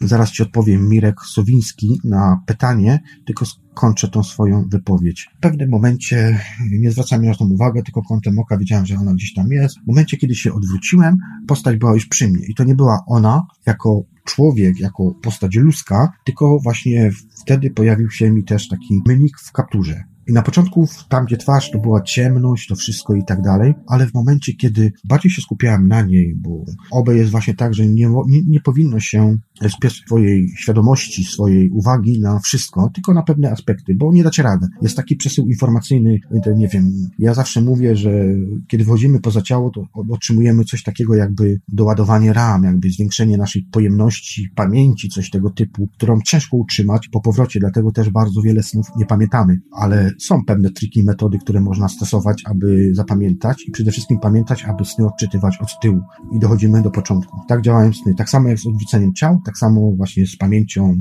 snów jest dokładnie tak samo. No i w momencie, kiedy zauważyłem, ta postać nagle tam, gdzie miała właśnie te oczy, oczodoły, nagle zrobiły się tak jakby takie węgielki, jakieś kryształy, coś tego typu. Na środku miała właśnie w trzecim oku miała też jeszcze trzeci jakby kryształ i zaczęła na mnie bardzo mocno oddziaływać ta postać i że w pewnym momencie dosłownie nam na pstryknięcie znalazłem się na łóżku i na tym, na tym łóżku ona, ta postać robiła mi pewien eksperyment na sercu i tak dalej. Normalnie otwierała mi ten na żywca klatkę piersiową i tak dalej. To nie był horror. Ja sobie absolutnie tego nie czułem. Czułem tam strachu i lęku, tylko byłem taki zdziwiony, zadziwiony po prostu, co ona robi, nie? No i w pewnym momencie, kiedy już widziałem, że chyba jednak to idzie trochę za bardzo w złym kierunku i chyba coś jest nie tak, to jakby próbowała mi coś szczepić, czy coś tego typu, wtedy zwróciłem się do właśnie do mojej duszy, która automatycznie wyprostowała mnie, także z łóżka nagle wstałem znowu na, na tym, na środku tego laboratorium i złapałem kontakt wzrokowy z tą duszą. I w momencie, kiedy poddałem się całkowicie kontroli duszy, żeby ona mnie prowadziła, kiedy ona przyjęła tą kontrolę, nagle z moich oczu, tak jak w Matrixie właśnie było, płynęły takie jakby i serca, przede wszystkim serca, takie właśnie, zresztą jak weźmiecie sobie obraz Jezusa, on ma takie promienie, to właśnie takie promienie ode mnie poleciały i w pewnym momencie na tą postać zakapturzoną poszły w jej stronę, ta postać jakbyś taka zrobiła, napęczniała, napęczniała, napęczniała do takich dużych rozmiarów i w pewnym momencie zaczęła się kurczyć, zrobiła się tylko taka jakby orb, kropeczka i znikła. I to właśnie było jedno z takich fajnych doświadczeń tak naprawdę, pokazującą mi moją, moją moc, no, świadomości mojej, mojej duszy, tak. Oczywiście można tutaj mówić o podziałach dusz i tego i tak dalej. To odsyłam Was już do audycji Świat oczami duszy. Ja tam w sumie nawet już od, odchodzę od takich rzeczy, bo to jest, to jest dobre na początek. To jest dobre na początek. Ja już inaczej myślę po prostu. Ja jestem w pewnym sensie, jakby to można było powiedzieć, nogą w jednym i drugim świecie. tak bym to nazwał. Zaraz Wam, kochani, odpowiem na pytania, które się tutaj pojawiły na czacie YouTube'owym. Dajcie mi chwilkę odsapnąć.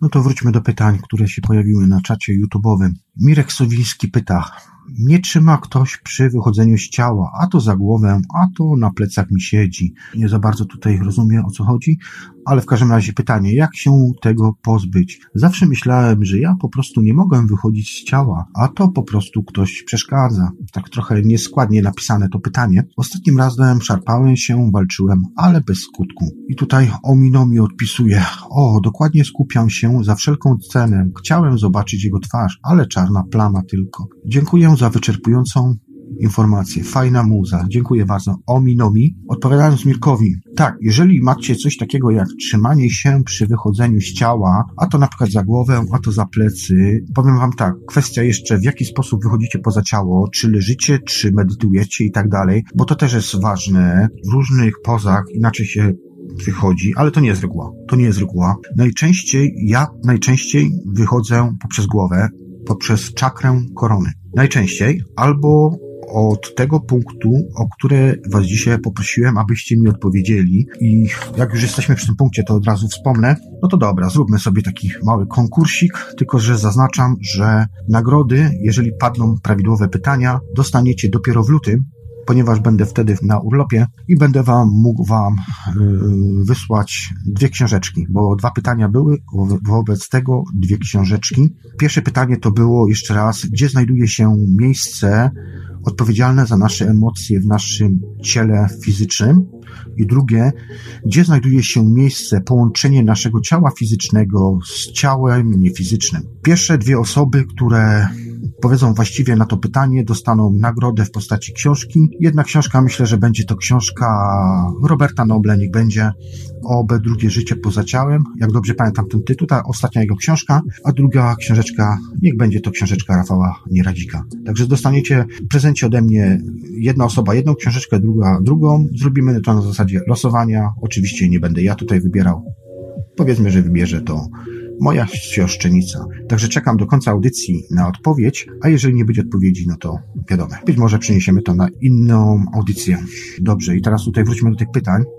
Co nikt ci nie przeszkadza. Tak naprawdę, jeżeli chodzi o to, że ktoś przeszkadza wam wyjść poza ciało i tak dalej, nie. Blokadami jesteście wy okej, okay, no dobra, mogą się pojawiać jakieś pewne energie, rzeczywiście możemy widzieć, ale tak naprawdę wydaje mi się, podkreślam, to jest tylko moja interpretacja, że to my sobie sami myślokształt jakiś tworzymy, a poprzez możliwości naszego umysłu, choćby nawet przez stworzenie, poprzez choćby nawet hipnagogii pewnych miejsc, sytuacji, postaci, zdarzeń, twarzy i tego wszystkiego, my sobie sami jakby w umysł wplatamy pewną, pewne rzeczy, pewne, no takie mamy właściwości naszego umysłu po prostu. Działa to dosłownie jak komputer kwantowy. W każdym razie tworzymy sobie sami te blokady. Jaką ci recepturę, Mirku, podać? Powiem tak.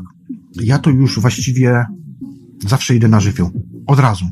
Jak tylko się albo dusza, albo jakiś tam przewodnik astralny, czy jakieś byty astralne dają jakąś propozycję wycieczki gdzieś tam, to właściwie ja od razu tam lecę. Ja się rzucam od razu, od razu się rzucam. Jakoś tak mam, że po prostu wszystko, wszystko mnie tak fascynuje, wszystko w tamtych oczywiście światach, w tych światach niefizycznych, że ja od razu lecę. Oczywiście czasami mam takie dialogi, prowadzę dialogi swoją duszą, że ona mi mówi, że tu będzie pewna rzecz ode mnie wymagana, tam pewna rzecz, tu będę musiał mieć wsparcie z innej strony, bo to jest też tak czasami, że w tych dalekich podróżach przechodzi się pewne takie jakby etapy, no nie wiem, jakby to określić, że na przykład lecimy od punktu A do punktu B, tam się gdzie spotykamy, tam poznajemy na przykład dwóch, trzech astralnych e, przewodników, oni nas przygotowują do jakby dalszej podróży i lecimy dalej. Chodzi o to, że Oczywiście można to różnie interpretować. Być może nasz mózg skaka w takie formy, które powodują to, że my się dostrajamy jakby na jeszcze inne fale częstotliwości. Potrzebny nam jest jakby taki przestanek, moment dostrojenia do pewnej fazy częstotliwości, abyśmy weszli. Tam są im dalej lecimy, tym są wyższe częstotliwości. Wtedy mamy takie coraz większe piski w usach czasami. Oczywiście też nie zawsze to jest i w pewnych momentach też czasami właściwie nie mamy już kontaktu z fizycznym. My mamy tą świadomość w naszym umyśle, w naszej świadomości, którą podróżujemy. Mamy taką świadomość istnienia naszego ciała fizycznego, ale równocześnie jesteśmy, tak jak mówię, w tamtym miejscu, a być może możemy się nawet wręcz przełączać po prostu po tym. Widzę, że Wam się muzyka podoba, to bardzo fajnie. Od Iveliosa dostałem tutaj informację, że mogę zrobić po audycji taki ambient night, taki chilloutowy. Później wybiorę co i jak, ale to na razie jeszcze zostawmy. Mamy już dwie godziny audycji. Dziękuję Wam tutaj za pytania, że dajecie troszkę mało tych pytań, ale jak powiedziałem, jest to spontaniczna audycja, więc tak naprawdę od Was zależy, o czym dzisiaj będę mówił, bo ja mogę mówić oczywiście i tak dalej, ale mnie trzeba no nie ma co ukrywać, ciągnąć po prostu za język. Dzięki. Ominomi napisał, napisał, czy napisała, bo nie wiem kto to jest. O, dokładnie, skupiam się za wszelką cenę, chciałem zobaczyć jego twarz, ale czarna plama tylko. Czyli jednak on. To jest właśnie to. Ja już o tym nieraz mówiłem. Nie skupiajcie się na wszystkim. Jesteście w poza, odbieracie informacje emocjami, em, emocjami, wibracjami, częstotliwością. W jakim środowisku jesteście, to najpierw się rozglądnijcie, gdzie jesteście, abyście zobaczyli kolorystykę, to wszystko wszystko, wtedy już mniej więcej macie pojęcie. Niektórzy mówią tam fokusy, nie fokusy, poziomy, nie poziomy. Ja tak nie, nie myślę, bo to jakoś tak nie myślę. Kiedyś się tym bardziej tak tą całą nomenklaturą, że tak powiem, nazewnictwem przejmowałem. Dzisiaj mam to naprawdę daleko gdzieś poddajcie się przesłaniu, poddajcie się informacji, która jest dla Was przygotowana przez Waszą duszę, czy też jakieś inne dusze, czy pomocnicy, którzy w danym momencie, w danej sytuacji są w poza. Kiedy wylecicie za tą całą bąblę, która składa się, tak powiedziałem Wam wcześniej, ze świata astralnego, składającego się z siedmiu warstw, aha, miałem Wam jeszcze wspomnieć tego doktora, poczekajcie, ja sobie zapiszę, to jest już zawodowy psychoterapeuta, Także polecam wam tą osobę. Bardzo fajnie mi się słucha tą osobę. Ona już jest zawodowcem. Prawda, ona tam mówi o energiach Chrystusowych i tak dalej, tam o, o odniesieniu do pewnej religii, ale pomijmy to. Tu już nie chodzi o to, kto w co wierzy, bo tak, tak naprawdę religia, każda religia jest dobra, bo prowadzi do Boga. Kwestia tylko interpretacji i tego wszystkiego, ale to zostawmy. Nie wchodźmy w te szczegóły, bo jakoś mnie to nie tak, nie za bardzo ten. Yy, I czekajcie, żeby mnie pogubił wątek. W każdym razie, kiedy jesteście już tam w poza, tak powiedziałem, nie skupiajcie się na wszystkim, kim, tylko po prostu na pewnych elementach, a bardziej na przesłaniu. Jeżeli widzicie mnicha, choćby nawet kapturze i jego twarzy nie widać, ma on tą twarz zaciemnioną, to prawdopodobnie jest to neutralny byt albo jakiś negatywny byt, bo, bo tak to przeważnie wygląda. Z mojego doświadczenia wam już to mogę powiedzieć. Możecie oczywiście poprosić tutaj pomocników czy kogoś, aby was uświadomili bardziej, albo nakierunkowali was na przekaz, o co w tej istocie chodzi i tak dalej nigdy nie gódźcie się na jakieś takie deale na zasadzie, okej, okay, ja ci dam jakiś tam, nie wiem, powiedzmy, doświ możliwość doświadczenia czegoś, ale na przykład muszę od ciebie wziąć na przykład część energii. Nigdy się na to nie gódźcie. Ja to stosuję, bardzo dużo stosuję, takie przesyły energetyczne, Natomiast nigdy nie oddaję swoich własnych energii, tylko jestem jakby przekaźnikiem tej energii, czyli poprzez moje ciało. Dlatego stąd było takie pytanie dzisiaj właśnie w audycji, właśnie do pana Sławomira, w jaki sposób można rozpoznać osobę taką właśnie sensytywną, mediumistyczną, czyli jakieś badania, jakieś testy, w jaki sposób to robią. Ja tam oczywiście coś słyszałem, gdzieś tam jakieś informacje kiedyś, zawsze gdzieś tam znajdowałem, ale taki, czy są jakieś takie proste, proste, że na własnym tym, bo jak nawrócę zaraz do tego, tego doświadczenia, które miałem rok temu minęła właśnie rocznica, bo jak dobrze pamiętam, było to chyba 19 stycznia 2018 roku, kiedy na ogródku w Realu miałem właśnie taki pewien kontakt, nazwijmy to kontaktem channelingowym, i tuż też było takie również pytanie jednego z ludzi, którzy, z jednej, jednej osoby, już teraz wam niestety nie znajdę, próbowałem to znaleźć, no ale w trakcie audycji jest to ciężko, właśnie zadała pytanie na, chyba bodajże to było na grupie OBLD poza ciałem Astral Projection Mental i właśnie chyba w tej grupie, tylko już teraz nie znajdę, no bo tu się wszystko, wiadomo, przewija. Jedna z osób właśnie zapytała, w jaki sposób zrobić na żywca dostrojenie się do innej rzeczywistości, czyli po prostu bez wprowadzania się w transy i tak dalej. Mi się takie rzeczy często zdarzają. Zresztą tak naprawdę jest to droga w jedną stronę, bo w momencie, kiedy się otworzycie, kiedy otworzycie się na pewien przekaz, pewną informację, to będziecie coraz częściej takie przekazy dostawali, bo będziecie wiedzieli po prostu jak to działa. Ja na przykład, kiedy wychodzę na ogródek, obserwuję na przykład, nie wiem, chmury, czy to w dzień, czy to w nocy, czy księżyc, czy coś tam jeszcze innego. Ja już, ja już mam takie przekazy właśnie dostrajające się centralnie w realu, nawet nie muszę wprowadzać się w jakieś transe. Ja na to mówię zawsze zatrzymać czas. I to jest taki, hmm, to jest takie zjawisko, które występuje zawsze, kiedy Tak samo jest, jak się na przykład kładę na przykład na łóżku, czy medytuję, czy coś, to jest dokładnie to samo zjawisko i to jest to samo zjawisko, które opisują osoby, choćby te, które doświadczają spotkania z nieznanym, czy też spotkania ze zjawiskami UFO. To jest tak zwane zatrzymanie czasu, czyli tak jakby czas się zatrzymał w miejscu, słychać taki szum czasami w uszach, jakieś pewne wibracje, czasami możemy mieć taki nagły skok, to na zasadzie, że coś obserwujemy, pewne zjawisko na niebie i mamy jednocześnie jakby wtłaczane myśli, taką dosłownie jak, nie wiem, jakby taką strugą informacji, potężną strugą informacji do naszego umysłu, że po prostu nie jesteśmy czasami w stanie przetworzyć automatycznie od razu tej informacji. I tutaj jeden z słuchaczy właśnie zadał takie pytanie, jak to zrobić. Mm, nie wiem tak naprawdę, jak tutaj słuchaczowi odpowiedzieć. Obiecałem mu, że odpowiem. Słuchaj, drogi słuchaczu, ja mam tak, że po prostu robię to automatycznie i nie zawsze to kontroluję. Czasami mi się pojawia to spontanicznie, czyli na przykład, no wychodzę na ogródek, zapalę sobie papieroska czy coś i właśnie następuje jakieś takie dziwne zjawisko, gdzie wszystko nagle zaczyna się zmieniać. Ale jestem jakby w dwóch rzeczywistościach naraz, czyli widzę tą normalną rzeczywistość, ale też wchodzę jakby w inną sferę. Tak naprawdę wszystkie wszechświaty są wokół nas. My mówimy tutaj o zjawisku OB, o wyjściu poza ciało, ale z ręką na sercu mogę Wam powiedzieć, że dużo lepsze, dużo lepsze z mojej perspektywy lat doświadczeń są wejścia w siebie, nie w poza bo tam wchodzimy rzeczywiście, bo tam wchodzimy rzeczywiście już, y, nie potrafię wam to kurczę tak przedstawić, żebyście wy to dobrze zrozumieli. Generalnie chodzi o to, że mm, te wszystkie wyjścia poza ciało to są w pewnym sensie taką iluzją bo całą informację mamy w sobie i no i tak, no nie wiem, jak wam to kurczę powiedzieć. Ja na przykład, kiedy kiedyś się tego bałem, powiem wam szczerze, wchodzenia w siebie, ale dziś to jest po prostu coś, co ja uwielbiam, dlatego że mnie zastanawiają dziwne rzeczy na zasadzie takiej, że kiedy wchodzę w własnego ja, sięgam do informacji zawartych w moim umyśle, we mnie, przede wszystkim we mnie, nie wiem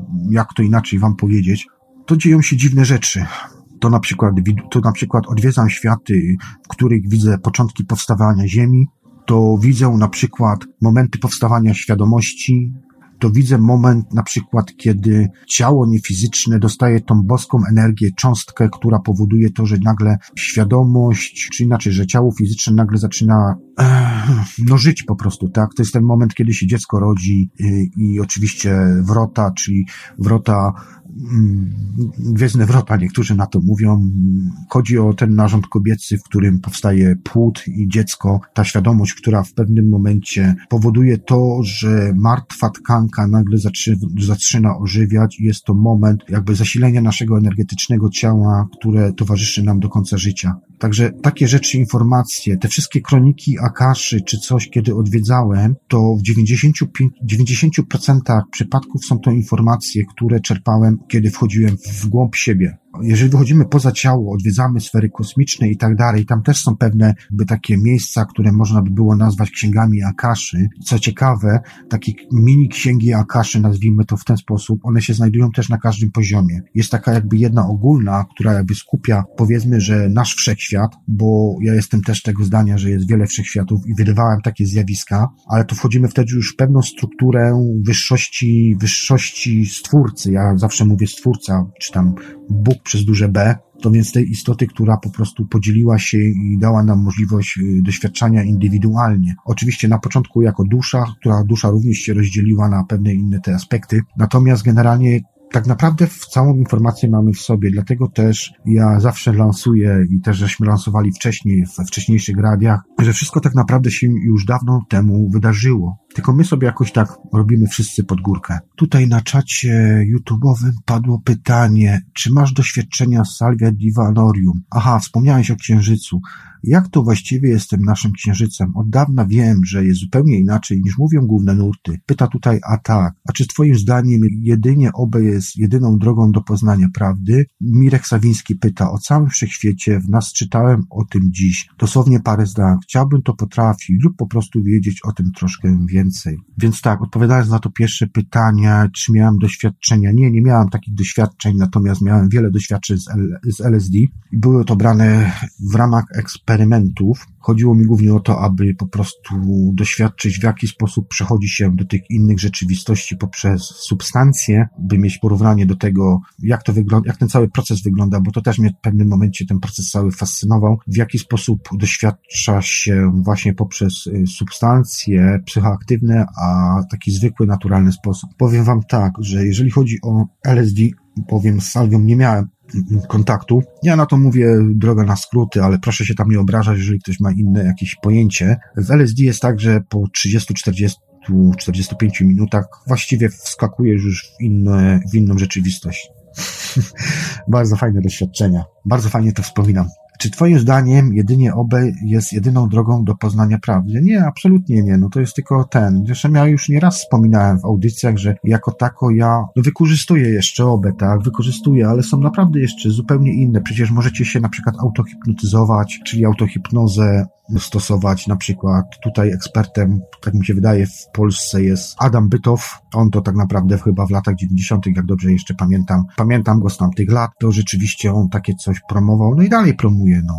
I dalej promuje i dalej tam jakieś swoje live streamy robi i tak dalej, także Zapraszam Was tam do niego, jeżeli byście chcieli posłuchać, o czym tam Adam mówi. O całym wszechświecie w nas czytałem o tym dziś. Dosłownie parę zdań. Chciałbym to potrafić lub po prostu wiedzieć o tym troszkę więcej. Czasami tak jest, Mirku, że nie zawsze jesteśmy w stanie osiągnąć, nie zawsze dostajemy to, co chcemy. Ja myślę, że po prostu przyjdzie taki po prostu moment. Nie wiem, ile masz lat, ale na przykład ja w swoim wieku przechodzę pewne procesy. Już wspomniałem dzisiaj na samym początku audycji, że tak po swoim życiu widzę, że tak mniej więcej co 10 lat są takie jakby przeskoki. Być może inaczej też zaczynamy myśleć. Nasz mózg w pewnym momencie życia, im robimy się starsi, zaczyna zwracać na inne rzeczy uwagę. Na przykład, jeżeli jesteśmy młody, o czym nawet dzisiaj wspominał pan Sławek, do 20 roku życia łapiemy wszystko jak gąbka. Chłoniemy wszystko jak gąbka. O tym mówił Hitler, czy tam inni, że właśnie najlepiej się kształtuje młodych, ponieważ w tym momencie oni łapią wszystko. I jak ukształtujesz, upracujesz jego mózg, tak on po prostu będzie praktycznie do końca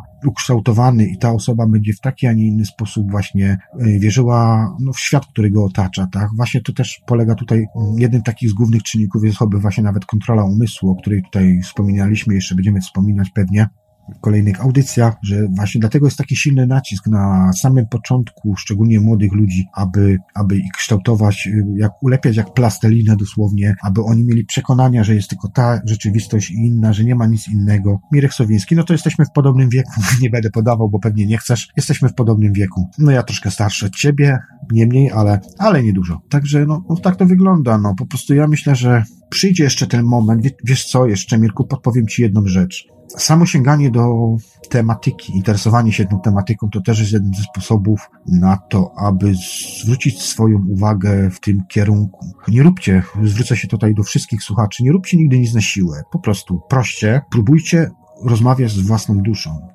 Niektórzy mówią o, o tym, o, o tym, że w Mind Control jest coś takiego jak słyszanie głosów, ale to jest zupełnie co innego. Rozmowa z własną duszą jest taką naturalną, normalną rozmową. Tam nie ma lęku, tam nie ma stratu. Rozmawiasz po prostu tak naprawdę z sobą, więc kogo się tam bać. Mind Control jest troszkę to inaczej, bo jest tutaj wykorzystywana technologia o tych głosach i tak dalej, ale to już jest zupełnie inna bajka to już nie o to chodzi. Ja prowadzę, zresztą ja odkąd pamiętam całe swoje życie miałem kontakt ze swoją duszą, zawsze rozmawiałem, sobie analizowałem, tak wie, wiecie, taki wewnętrzny głos jakby, nie? Niektórzy mówią na to sumienie, czy jakieś tam inne rzeczy. Ja do tego inaczej podchodziłem i co najbardziej zawsze mnie to prowadziło w dobrą stronę. Zdarzały się potyczki? Owszem, zdarzały się potyczki, ale one są właśnie po to, aby czasami się trzeba potknąć o krawężnik, żeby dobrze wylądować. Nie wiem, jak to inaczej powiedzieć. A tak, pyta na czacie YouTube'owym. Czy podczas gdy doświadczasz OB, masz również wgląd w naszą realną, systemową, matrixową rzeczywistość? Jak zbierasz wiedzę o tym całym świecie? Czy także dzięki OB? Tak. Yy, a tak, odpowiadam Ci na pytanie. Tak, gdy doświadczam OB, mam wgląd w naszą rzeczywistość. To też zależy, bo musicie zrozumieć, kochani, jedną rzecz, że to nie jest tak, że zawsze macie to, co chcecie. Ja uważam, że my w pewnym sensie jesteśmy taką bateryjką, jak to było powiedziane w Matrixie, aby podróżować w dalekie. Oczywiście czasami są to spontane też, także nawet nie chcecie, a macie. Ale generalnie, jeżeli już przygotowujecie się do takich dalekich podróży, musicie się w pewnym sensie przygotować. Ten eksperyment, o którym na początku audycji wam mówiłem, ja się przygotowałem około tygodnia do tego eksperymentu. Także, bo do tego potrzeba naprawdę, chodzi o to, że ciężko jest utrzymać rozdzielenie świadomości w dwóch stanach, albo i więcej. Dlatego też czasami, jak powiedziałam wam, w podróżach tych dalekich, robione są takie też przystanki, gdzie właśnie spotykasz innych przewodników, oni cię doładowują jakby, albo wchodzisz w jakieś takie dziwne maszyny, które cię doładowują. To oczywiście, czy są, czy nie są, no bo nie są prawdziwe, tak, no bo są w innej rzeczywistości. I ja nie jestem w stanie wam tutaj odpowiedzieć, czy to jest wymysł mojego mózgu, czy to jest tylko takie iluzoryczne przedstawienie przez moją podświadomość, żebym ja to jakoś łatwiej zaakceptował, żeby jakoś to łatwiej było mi pojąć, ale są te przystanki robione właśnie, gdzie jesteśmy jakby wspomagani przez inne byty, doładowywani do tych dalek podróż. Tak samo się wraca ten, aczkolwiek powroty są różne. Czasami są od razu, właściwie na zawołanie, ale wtedy wychodzisz z takiego snu, jakbyś był po prostu naćpany i to trwa nawet czasami do 40 minut. Naprawdę, uwierzcie mi, ja czasami potrzebowałem wypić dosłownie 3-4 kaw, żeby do siebie dojść, ale to są te szybkie. Natomiast wraca się tak samo jak się, jak się ten. Także jest możliwe doświadczanie OB w różnych rzeczywistościach, wglądy. To jest tak jakbyś przechodził przez takie, albo słyszysz takie kliknięcia, albo przechodzisz przez takie jakby mgiełki ściany, no tak bym, jakbyś przechodził z jednej bomby do drugiej, o tak bym to nazwał. No nie wiem, nie potrafię wam. Czasami obrazuje się to na przykład takim dużym korytarzem, gdzie jest pełno drzwi jak w Matrixie. Być może jest to podświadome, po prostu gdzieś tam kiedyś mój mózg to tak sobie zaprogramował w mojej poświadomości, a Matrixa bardzo dużo razy oglądałem i być może w ten sposób właśnie ten mój umysł bardziej to interpretuje, taką formę y, przejść i po prostu ułatwia nam, wykorzystuje tą wiedzę, informację, którą mamy wgraną w sobie, wewnątrz siebie własnego ja i po prostu w ten sposób nam ułatwia jakby przejście. Także są, naprawdę są różne. Można otworzyć drzwi, niektóre są na to czasami uchalone, ale nie możesz ich otworzyć. Dzisiaj na przykład miałem taki właśnie, kiedy się położyłem, jeszcze przed audycją parę godzin wcześniej, tą właśnie intencją, aby jeszcze zobaczyć te inne światy. Miałem taką wizję, gdzie właśnie też byłem w takim korytarzu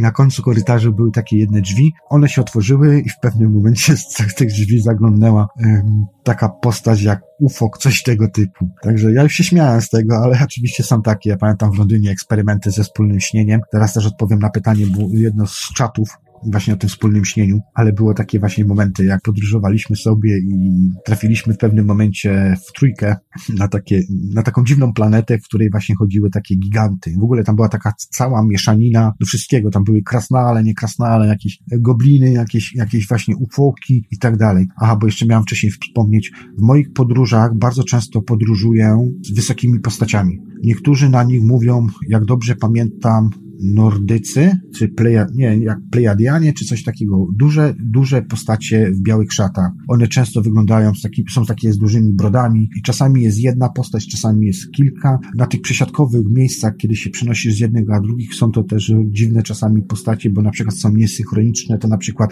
mała głowa, a duże ciało, albo na przykład duży brzuch, takie, no to czasami naprawdę mówię wam, czasami to jest tak śmieszne, ale to właśnie chyba o to chodzi w tych całych podróżach, bo śmiech powoduje też pewną emocję, tak jak powiedziałam wam wcześniej, emocja jest takim jednym z kluczy. Nie widzę nigdzie odpowiedzi na moje pytania. Jak nie będzie odpowiedzi na pytania, ja wam udzielę tych odpowiedzi. Natomiast niestety nikt nie dostanie książeczek. Dobrze, to poczekajcie chwilkę, ja to sprawdzę, bo mi przyszło parę informacji i zaraz będziemy kontynuować. Iwelius mi tutaj napisał na radiowym Skype'ie. Ja od najmłodszych lat miałem wrażenie, że ta rzeczywistość jest jakaś nie do końca prawdziwa. Cały czas wydawało mi się, że ktoś tuż przed moimi oczami rozkłada wielki ekran wyświetlanym filmem. Marku, wszyscy tak mamy. Czekajcie, bo mi tutaj okienka wyskakują. Nie tylko ty. Także to jest chyba dobry znak, że system programowania w twoich najmłodszych lat chyba nie do końca zadziałał. I wspomniałeś tutaj, że tak ktoś przed twoimi oczami rozkładał wielki ekran z wyświetlanym filmie. Ja wam muszę powiedzieć takie coś, że w tym roku miałam, przepraszam, w tamtym roku, kiedy to było? W sierpniu miałam takie dziwne doświadczenie. Byłem w,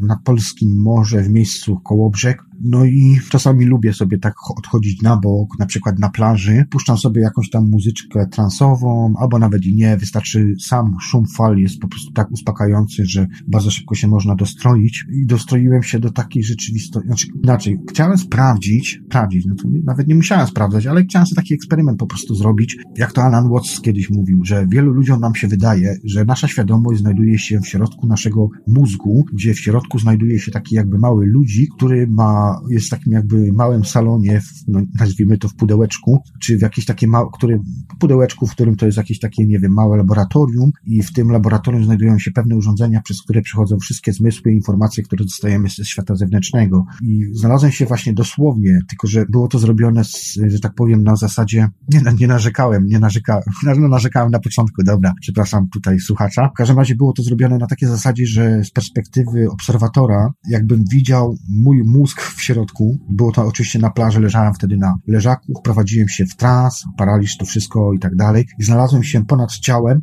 nie widziałem swojego ciała fizycznego, ale miałem przedstawioną jakby taką wnętrze mojego mózgu. Widziałem tam dosłownie takiego ludzika. Mogłem robić coś na zasadzie takiego przejścia, czyli mogłem widzieć z góry jako obserwator, ale mogłem wejść jednocześnie w tego ludzika, który siedział sobie na takim jakby fotelu, miał przed sobą takie dwa właśnie duże ekrany, dosłownie takie miałem doświadczenie w tamtym roku. I na tych ekranach widziałem po prostu, co się dzieje na zewnątrz. Czyli mogłem patrzeć na lewy ekran, widziałem lewym okiem, dosłownie, a oczy miałem zamknięte i zasłonięte jeszcze ręcznikiem, żeby mi tam światło nie dochodziło. I drugie tak samo. Było to niesamowite, ponieważ ja też taką technikę stosuję, kiedy na przykład wyjdę poza ciało, a nie zawsze się jeszcze dostroję, albo jeszcze nie do końca widzę, to ja sobie tak wyobrażam jeszcze w hipnagogach, że czasami nie widzimy, bo mamy brudne szyby. Czyli biorę taką, wyobrażam sobie taką szmatkę i przecieram po prostu od środka jakby te smugi, ten brud cały i to też jest taki fajny sposób właśnie do tego, żeby otworzyć oczy po tej drugiej stronie. Bo nie zawsze wyskakujemy od razu, nie zawsze od razu widzimy. To jest naprawdę, naprawdę różnie. miałem takie doświadczenie i powiem wam szczerze, że, aha, i to był jeszcze ten czas właśnie, gdzie na Radiu Paranormalnym właśnie leciały te debaty z Tomem Campbellem, które tu nam dzielnie Invelius tłumaczył. Być może był to jakiś podprogowy wpływ tych audycji i tak dalej, nie wiem. Takie dziwne miałem fajne doświadczenie. Zresztą ja cały czas uważam, że jesteśmy pewnego rodzaju awatarami w tej rzeczywistości. Tak naprawdę nasze ciało się składa z wszystkich pierwiastków tej ziemi. Jesteśmy tą ziemią i tak jak Alan właśnie Watts mówił, że trując tą naszą rzeczywistość, te lasy, te, te łąki, to wszystko, to tak naprawdę zabijamy siebie. No bo my jesteśmy tym wszystkim, z czego się ta cała Ziemia. Tak naprawdę my jesteśmy świadomością, która w pewnym momencie została przechwycona albo to z własnej woli, albo nie z własnej woli, albo po prostu sami bezpośrednio weszliśmy w tą rzeczywistość i doświadczamy tej rzeczywistości. Jest coś takiego jak, dlatego niektórzy mówią, że Ziemia jest jakby taką pułapką dusz. To znaczy, że w tym sztucznym świecie astralnym, do którego ja ostatnio dość często piję, jest on jakby w pewnym sensie stworzony sztucznie, tylko po to, aby wyłapywać świadomości, które na przykład, kiedy umieramy, wylatują poza ziemię, aby złapać je, ja mówię na to siatka, ja mówię, czyli złapać ich w siatkę i z powrotem nawrócić ich do tej rzeczywistości. Chodzi tutaj tak naprawdę o energetyczne wykorzystanie nas. My jesteśmy tak naprawdę taką informacją, świadomością i to samo było mi w wizjach pokazywane, gdzie w pewnych kręgach, w jakichś takich dziwnych kopułach, w jaskiniach były odprawia, odprawiane pewne jakieś takie rytuały, które powodowały to, że nagle pojawiała się właśnie ten impuls takiego jakby orba świadomości, która została wszczepywana właśnie w to miejsce, o którym dzisiaj mówiłem, znaczy zadałem pytanie jako konkurs i właśnie w tym miejscu tym miejscu to jest lepione też właśnie emocjami i innymi, innymi rzeczami. Nie będę tutaj tego bardziej rozwijał. W każdym razie to jest wszczepywane w naszą pewną część w naszym organizmie. To oczywiście była też w tym, w tym przypadku wizja, ale, ale jak się okazuje, jak sobie czytam na różnych forach, mm, nie tylko polskich, bardziej na anglojęzycznych, bo tutaj jest więcej tej informacji jakby nie patrzą, to właśnie ludzie również takie wizje pokazują. Nie wiem, czy jest to przypadek, czy to jest znowu jakiś program nałożony gdzieś tam wcześniej w moich latach młodości na mój umysł albo coś. W każdym razie rzeczywiście miejsce takie coś, takie, takie coś się po prostu dzieje, tak? Wydaje mi się, że są dusze, które schodzą bezpośrednio z przestrzeni kosmicznej, jakoś nie mają problemu z tymi barierami, które są sztucznie stworzone do tego, aby zaistniała ta nasza rzeczywistość, ale są też właśnie dusze, które są cały czas w tym kręgu, zjadają ciągle ten swój własny ogon. Tutaj jeszcze, aha, dziękuję za odpowiedź odpowiedź. Ja również Ci dziękuję za pytanie. Y, a, a tak tutaj pyta, a to nie są zabawki w rękach dzieci. Nie mam prawie żadnej wiedzy o OB, ale logicznie myśląc, również i to wiąże się z jakimiś zagrożeniami. Nie wiem, jakie zagrożenia, no ja to stosuję już, no, jak powiedziałem kiedyś, ponad 30 lat przerwami oczywiście, bo to nie jest tak, że cały czas to robiłem. Nie wiem, no funkcjonuję tu cały czas. Dałem radę skończyć y, trzy szkoły wyższe, czyli, że tak powiem, zaistnieć w tym systemie, y, który nas tutaj otacza. Jakoś bez problemu dałem radę. Takich problemów psychicznych z sobą nie mam raczej chyba, no. Przynajmniej nie dostaję takich informacji od moich znajomych, więc nie wiem. Czy jest jakiś sposób na powstrzymanie zadowolenia z wyjścia z ciała, bo zaraz po sekundzie jest się znowu w ciele. Chodzi mi o to, jak utrzymać się w tym stanie. Czy jest na to jakiś złoty środek? Zadał tutaj pytanie o Minomi. Nie ma złotego środku, kochany. Natomiast powiem Ci tak, to, że cię cofa do ciała, to jest absolutnie normalne. Ja swego czasu, kiedy miałem problemy z wyjściem poza ciało, stosowałem coś takiego jak w ogóle, bo ja jestem wildowcem, tak mogę powiedzieć, naturalnym wildowcem. Czyli zawsze, zawsze Okej, okay, w porządku. Podzieliło mi komentarz, tutaj pisze, a tak, momencik, bo, bo wyszło mi z głowy. Nie ma tu złotego środku. Ja w pewnym momencie też miałem takie problemy, bo to każdemu się obenaucie zdarza. Między innymi mniej więcej pierwsze dwa lata, kiedy wychodzisz poza ciało, to jesteś zafascynowany tym całym zjawiskiem. Po pierwszym pół roku zaczynają się pojawiać już pierwsze jakby takie oznaki zmęczenia materiału, nazwijmy to. Czyli zatrzymujesz się w pewnym punkcie. I teraz albo masz wyjścia poza ciało, albo jest ci to bardzo trudno osiągnąć, albo nie masz w ogóle. Dlatego ważne jest tutaj też utrzymywanie kontaktu, przede wszystkim czytanie, samo czytanie, prowadzenie dzienników snów, choćby nawet i czytanie swoich własnych podróży, powoduje to, że jakby jesteście w tym całym kotle, no tak byśmy to nazwali. To też jest jednego, ale to też nie zawsze pomaga. Dlatego też kwestia jest tego, z jakiej gliny wy jesteście tak naprawdę ulepieni, jakie wy macie przekonania, bo jeżeli będziecie doświadczać obę, ale i tak nie do końca będziecie wierzyli w to, że jednak to zjawisko występuje i tak dalej, no to nie pójdziecie dalej. Będziecie mieli jakąś wewnętrzną blokadę i tak dalej. Ja wam proponuję wtedy na przykład e, spotkanie z innymi znajomymi, którzy na przykład doświadczają takich zjawisk, rozmowy, czytanie forów, e, czytanie książek o tej tematyce, być może zażycie jakiejś substancji, oczywiście na własne, własne ryzyko, jeżeli już tak potrzebujecie takich eksperymentów, doświadczeń robić. Być może musicie coś zobaczyć przy użyciu pewnych substancji, bo na przykład tak na żywo, na normalnie nie jesteście w stanie czegoś tam y, zobaczyć. Być może jeszcze inne rzeczy, być może jakaś technologia plazmowa na przykład, by cokolwiek innego. To już każdy musi sobie znaleźć, ale ja na przykład stosowałem kiedyś takiego swego czasu taki triczek oszukujący mój umysł. Było na zasadzie znaku, ponieważ jak powiedziałem wcześniej jestem wildowcem i mam taki naturalny sposób wychodzenia poza ciało Wilder, który jest jedną z najtrudniejszych jednak technik, a dla mnie jest jedną z najłatwiejszych. Już nie wspomnę o technikach 4 plus 1, 6 plus 1, bo to to od razu na mnie działa. to od razu na mnie działa. Tu oczywiście też jest na przykład bardzo fajne wychodzenie poza ciało w dzień. To też inaczej struktura ta wygląda. Inne doznania są w każdym razie. Bardziej, tak mi się wydaje, że są bardziej takie oczywiste, bardziej takie prawdziwsze, bardziej emocjonalne przede wszystkim.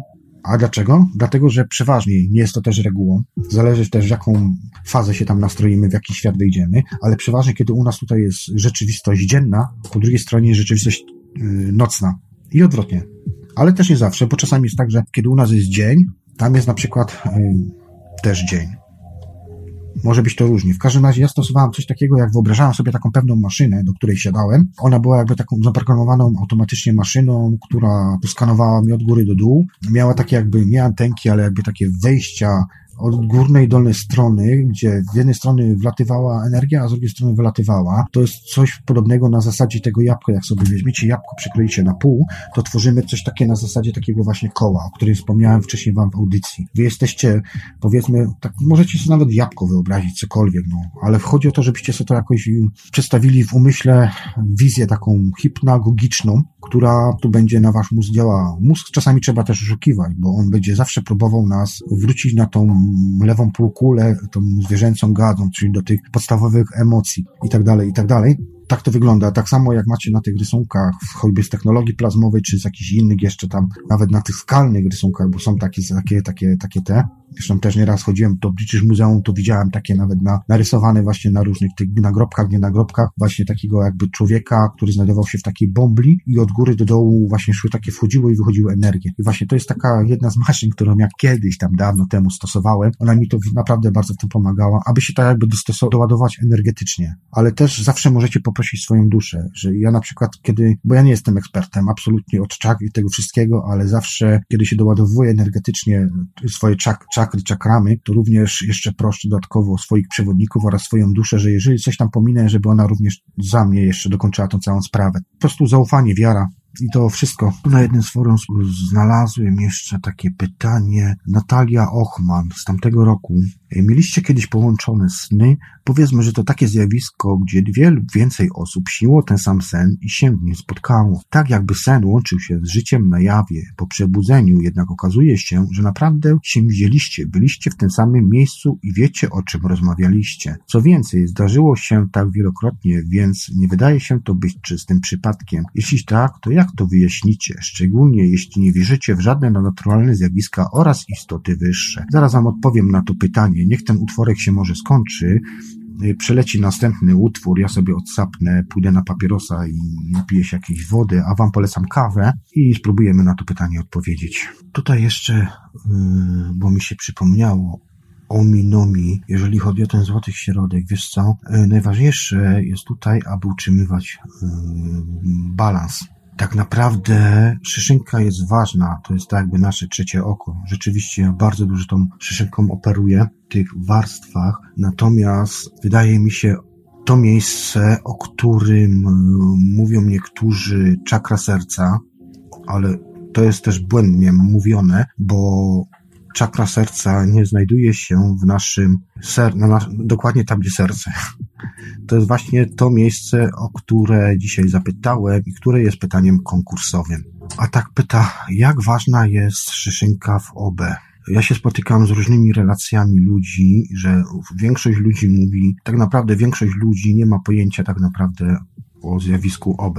Nie chcę tutaj wychodzić za jakiegoś, nie wiem, eksperta i tak dalej, ale szyszynka jest ważnym elementem. Rzeczywiście to jest nasza obserwacja, ale chodzi o to, żeby wszystkie czakry, wszystkie punkty energetyczne współgrały z sobą. Dlatego ja zawsze mówię o tym właśnie balansie. Nie może być przewaga czy może być przewaga, ale musi być większa jednak przewaga tych czterech górnych czakr, które odpowiadają za naszą łączność duchową. Niższe trzy czakry, czyli ta czakra korony pępkowa i ta jeszcze trzecia, już teraz nie pamiętam nazwy, odpowiadają właśnie za nasze uziemnienie, za naszą materialność, bycie w tej materii. Nie bez powodu jest teraz taki wysyp na przykład filmów, nie by to powiedzieć, żeby nie urazić, no filmów tu erotycznych, gdzie lansuje się uprawianie seksu, ale w inną część ciała kobiety, nie będę tutaj mówił drastycznie, to jest właśnie bombardowanie, atakowanie w tą dolną czakrę. Właśnie to chodzi i tutaj już działają energie, a właściwie być może byty, bo też taka jest teoria, że pewni ludzie wyglądają jakby byli ludźmi, ale nie do końca są ludźmi, jakby mieli sobie no jakąś inną demoniczną postać. Dlatego jest to tak lansowane, żeby po prostu one czerpią z tego po prostu korzyść. Oczywiście na poziomie energetycznym. Człowiek nieświadomy nie będzie tego wiedział, natomiast świadomy jak najbardziej. Tak zwany seks z naprawdę dupnym orgazmem. Ivelius mi tutaj napisał. no tak, ale to właśnie o to chodzi. No, tutaj jeszcze inny użytkownik na czacie YouTube'owym mi napisał. Dziękuję, masz fajną wiedzę i super doświadczenia, tylko po zazdrości. Pozdrawiam. Ominomi. Wiesz co, no różnie, różnie do tego podchodzą. Ja ostatnimi czasami właśnie po tych dwóch audycjach, gdzie coś tam o okultyzmie wspomniałem, no, rozpoczął się ogromny hejt na moją osobę. Nie, nie mówię tu o jednej mm, wiadomości czy dwóch, a mówię tu o dziesiątkach wiadomości. Przykro mi było tego słuchać. Ja oczywiście takie osoby od razu blokuję, bowiem jeżeli ktoś się takim właśnie, z takim zawistnym językiem posługuje, to tylko daje mi powiedzi, a właściwie potwierdzenie tego, że idę dobrą stroną, to jest jedną sprawą, a po treści i kontekście pisania przez te osoby no, słów, zdań i tak dalej, ja wiem już z jaką osobą mam do czynienia. I to na pewno nie są pozytywne osoby. Otaczajmy się ludźmi, którzy dają nam możliwość no, brania udziału w tym życiu, ale na własnych zasadach i na własnych regułach. Ja na życie mówię projekt życie. Jakoś tak od jakiegoś czasu tak sobie to w głowie ułożyłem, że życie jest po prostu tylko i wyłącznie projektem. Prowadźmy to życie według naszych zasad, według naszych reguł.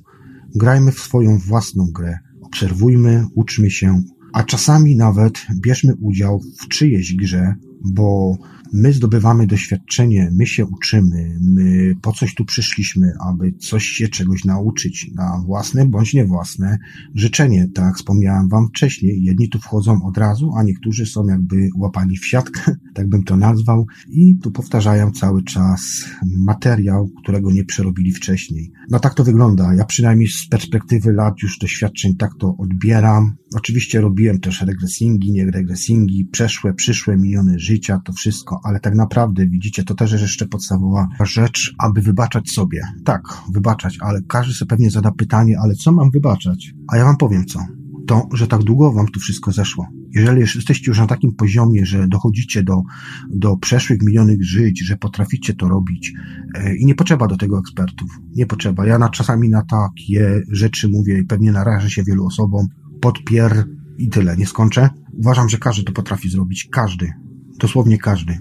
Kwestia tylko, jak mocno jesteście zakotwiczeni w tych swoich przekonaniach, jak ten program szybko został uruchomiony w trakcie waszego życia jako dziecko i tak dalej, i tak dalej. I kiedy wy się w końcu przebudzicie. Czasami trzeba i nie, nigdy nie ignorujcie tych sygnałów od własnej duszy, bo ona was nigdy nie oszuka. Ona ma swój cel.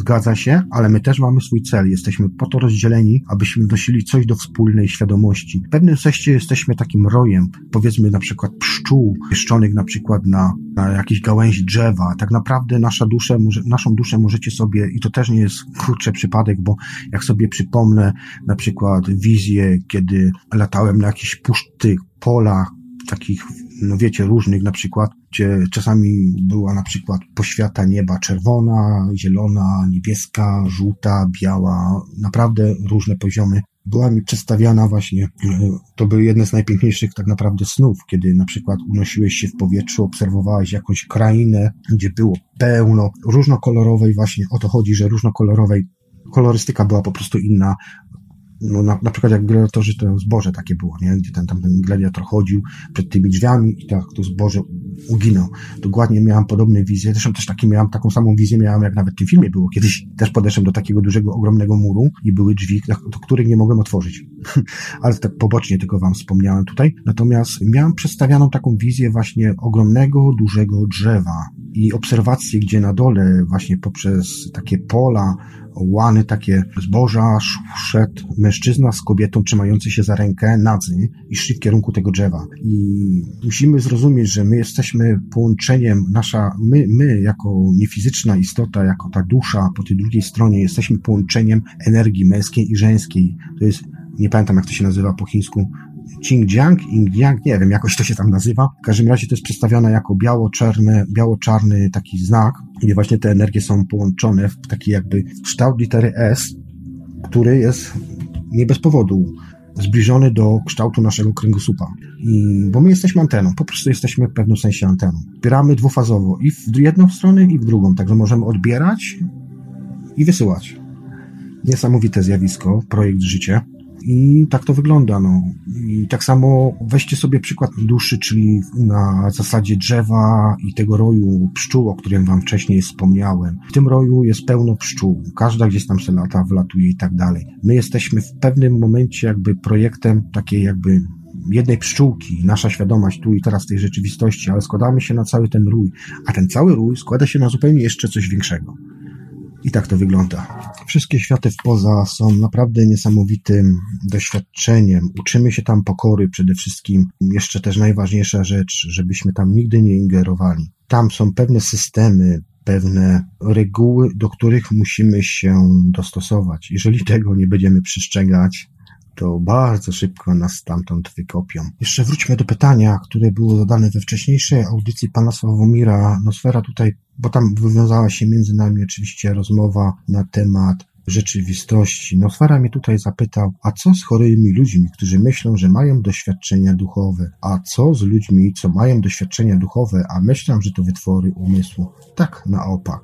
Co na to? Ja bym odpowiedział? Odpowiem wam tak, no. W duchowości jest coś takiego jak takie ogólne pojęcie, że jeżeli ktoś schodzi do niższego poziomu, czyli na przykład jest to osoba bezdomna, albo na przykład osoba, która, że tak powiem, poniża się do najniższego szczebla w społeczeństwa, jest tak naprawdę najbardziej uduchowioną osobą. Ja na przykład jestem miłośnikiem gór i od ponad 20 lat chodzę po górach. Oczywiście ostatnio troszkę mniej, bo, bo, bo jakoś tak wychodziło, że zmieniałem troszkę koncepcję swoich wakacji czy też urlopów. Niemniej jednak pamiętam doskonale spotkania w Bieszczadach. Miałem tak, mam takie swoje miejsca w Bieszczadach. W ogóle bardzo lubię w Bieszczadach sobie siąść na przykład gdzieś na jakimś takim właśnie szczycie i sobie pomedytować czy coś. To też są no, niesamowite zjawiska. Tylko trzeba uważać, żeby nie spaść. Tak się zabezpieczyć, żeby się nie spać. Najlepiej jeszcze z dwoma, trzema osobami. I pamiętam, pamiętam takie nocne rozmowy już teraz nie pamiętam tej nazwy, w każdym razie było to w Górnych, gdzie spotykaliśmy się wieczorami, kiedy człowiek już taki utyrany po tym całym dniu chodzenia, schodzenia po górach tam i z powrotem, a ja chodziłem trasy nie takie, że wszedłem se na tarnicę czy coś, tylko dziennie potrafiłem przejść nawet 34-36 kilometrów Także to naprawdę ogromne trasy, gdzie stawało się o godzinie trzeciej rano, o czwartej się wychodziło, a wracało się na 20 w nocy, czy nawet 21, więc prawie, że ciemno już się robiło. Jeszcze nie ciemno, ale już prawie, prawie, gdzie człowiek po zejściu był w stanie ledwo się co wykąpać, do, do restauracji dojść, żeby coś zjeść, czy tam do jakiegoś innego miejsca, żeby kolację zjeść i często właśnie wieczorkiem się tam siadało, czy tam przy piwku, czy nie przy piwku i rozmawiało się z różnymi takimi osobami i tak dalej. I pamiętam, jak żeśmy rozmawiali właśnie w takich, na takich tych, na takie, były takie różne spotkania właśnie z ludźmi i żeśmy się takimi właśnie rzeczami, informacjami wymieniali, ale to tylko tak pobocznie. Wracając do tego tematu, także dlatego jestem miłośnikiem gór, po prostu lubię spotkania z takie, z ludźmi, bezpośredni kontakt z człowiekiem, to na co w tym roku postawiłem, a właściwie w tamtym i kontynuuję oczywiście do dnia dzisiejszego. Co z chorymi ludźmi? To, że mają doświadczenia duchowe. No to tak jak powiedziałem, no, jeżeli weźmiemy to z naukowego, współczesnego sposobu myślenia naukowego w dzisiejszych czasach, to ta osoba będzie po prostu psychicznie chora, ale kiedy na przykład siadałem właśnie z takimi bezdomnymi osobami, na przykład bieszczadnikami, którzy po prostu, bo jest taka, była dalej jeszcze jest taka jakby takie um, zrozumienie ludzi w Polsce, że do Bieszczady, do Bieszczad jadą tylko tacy właśnie ludzie od, odszczepieńcy, czy tacy, którzy są po prostu uciec właśnie od, od, od, od, od tego świata cywilizacyjnego, że tak nazwijmy, ale z moich kontaktów, kiedy ja spotykałem właśnie takie osoby, które na przykład byli takimi bieszczadnikami, którzy po prostu chodzili, tu się przespali, jutro są w innym miejscu, pójdzie są gdzieś w innym miejscu i tak dalej, i tak dalej, to były to bardzo mądre, inteligentne osoby bardzo mądre. I nie każdy bezdomny jest pijakiem, ale te rozmowy z takimi osobami były jednymi z najlepszych takich w moim życiu rozmów. Pamiętam rozmowy, jak mi opowiadali na przykład, gdy spali w lasach i widywali pewne rzeczy, pewne zjawiska, okolice tam Połonin, Wetlińska, Caryńska, Czyki Górne, bo ja bardziej w te wysokie jeździłem zawsze, ewentualnie jeszcze Tatry, Rysy i tak dalej. Także to, to były naprawdę bardzo interesujące rozmowy i bardzo dużo wnoszące do naszego umysłu spotkania. Tutaj użytkownik na czacie YouTube'owym a tak napisał góry, natura, kontakt z drugim człowiekiem. To coś, od czego chcą odciąć. Dokładnie. Ja wam polecam zrobienie sobie eksperymentów Bieszczady, rzucić wszystko, jeżeli macie taką możliwość i czas, rzucić wszystko nie na przykład w hotelu czy gdzieś w jakimś schronisku spać, tylko namiot, położyć się gdzieś tam w kącie, gdzieś na przykład na polu kempingowym, rozłożyć się, wyłączyć telefon, wyłączyć wszelkie jakieś tam nadajniki i tego typu rzeczy. Ja to robiłem swego czasu dość dużo razy, szczególnie w sezonie letnim, no bo wiadomo, nie, wtedy jest najłatwiej, najprościej. Mając samochód, stawiasz samochód, rozkładasz namiot i właściwie jesteś już rozłożony. Oczywiście dzisiaj ludzie szukają wygody i tego wszystkiego, no ale co kto chce. W każdym razie ja robiłem sobie takie eksperymenty, o, gdzieś na początku 2000 roku w Bieszczadach, gdzie właśnie włączałem telefon i wszelkie jakieś tam nośniki, które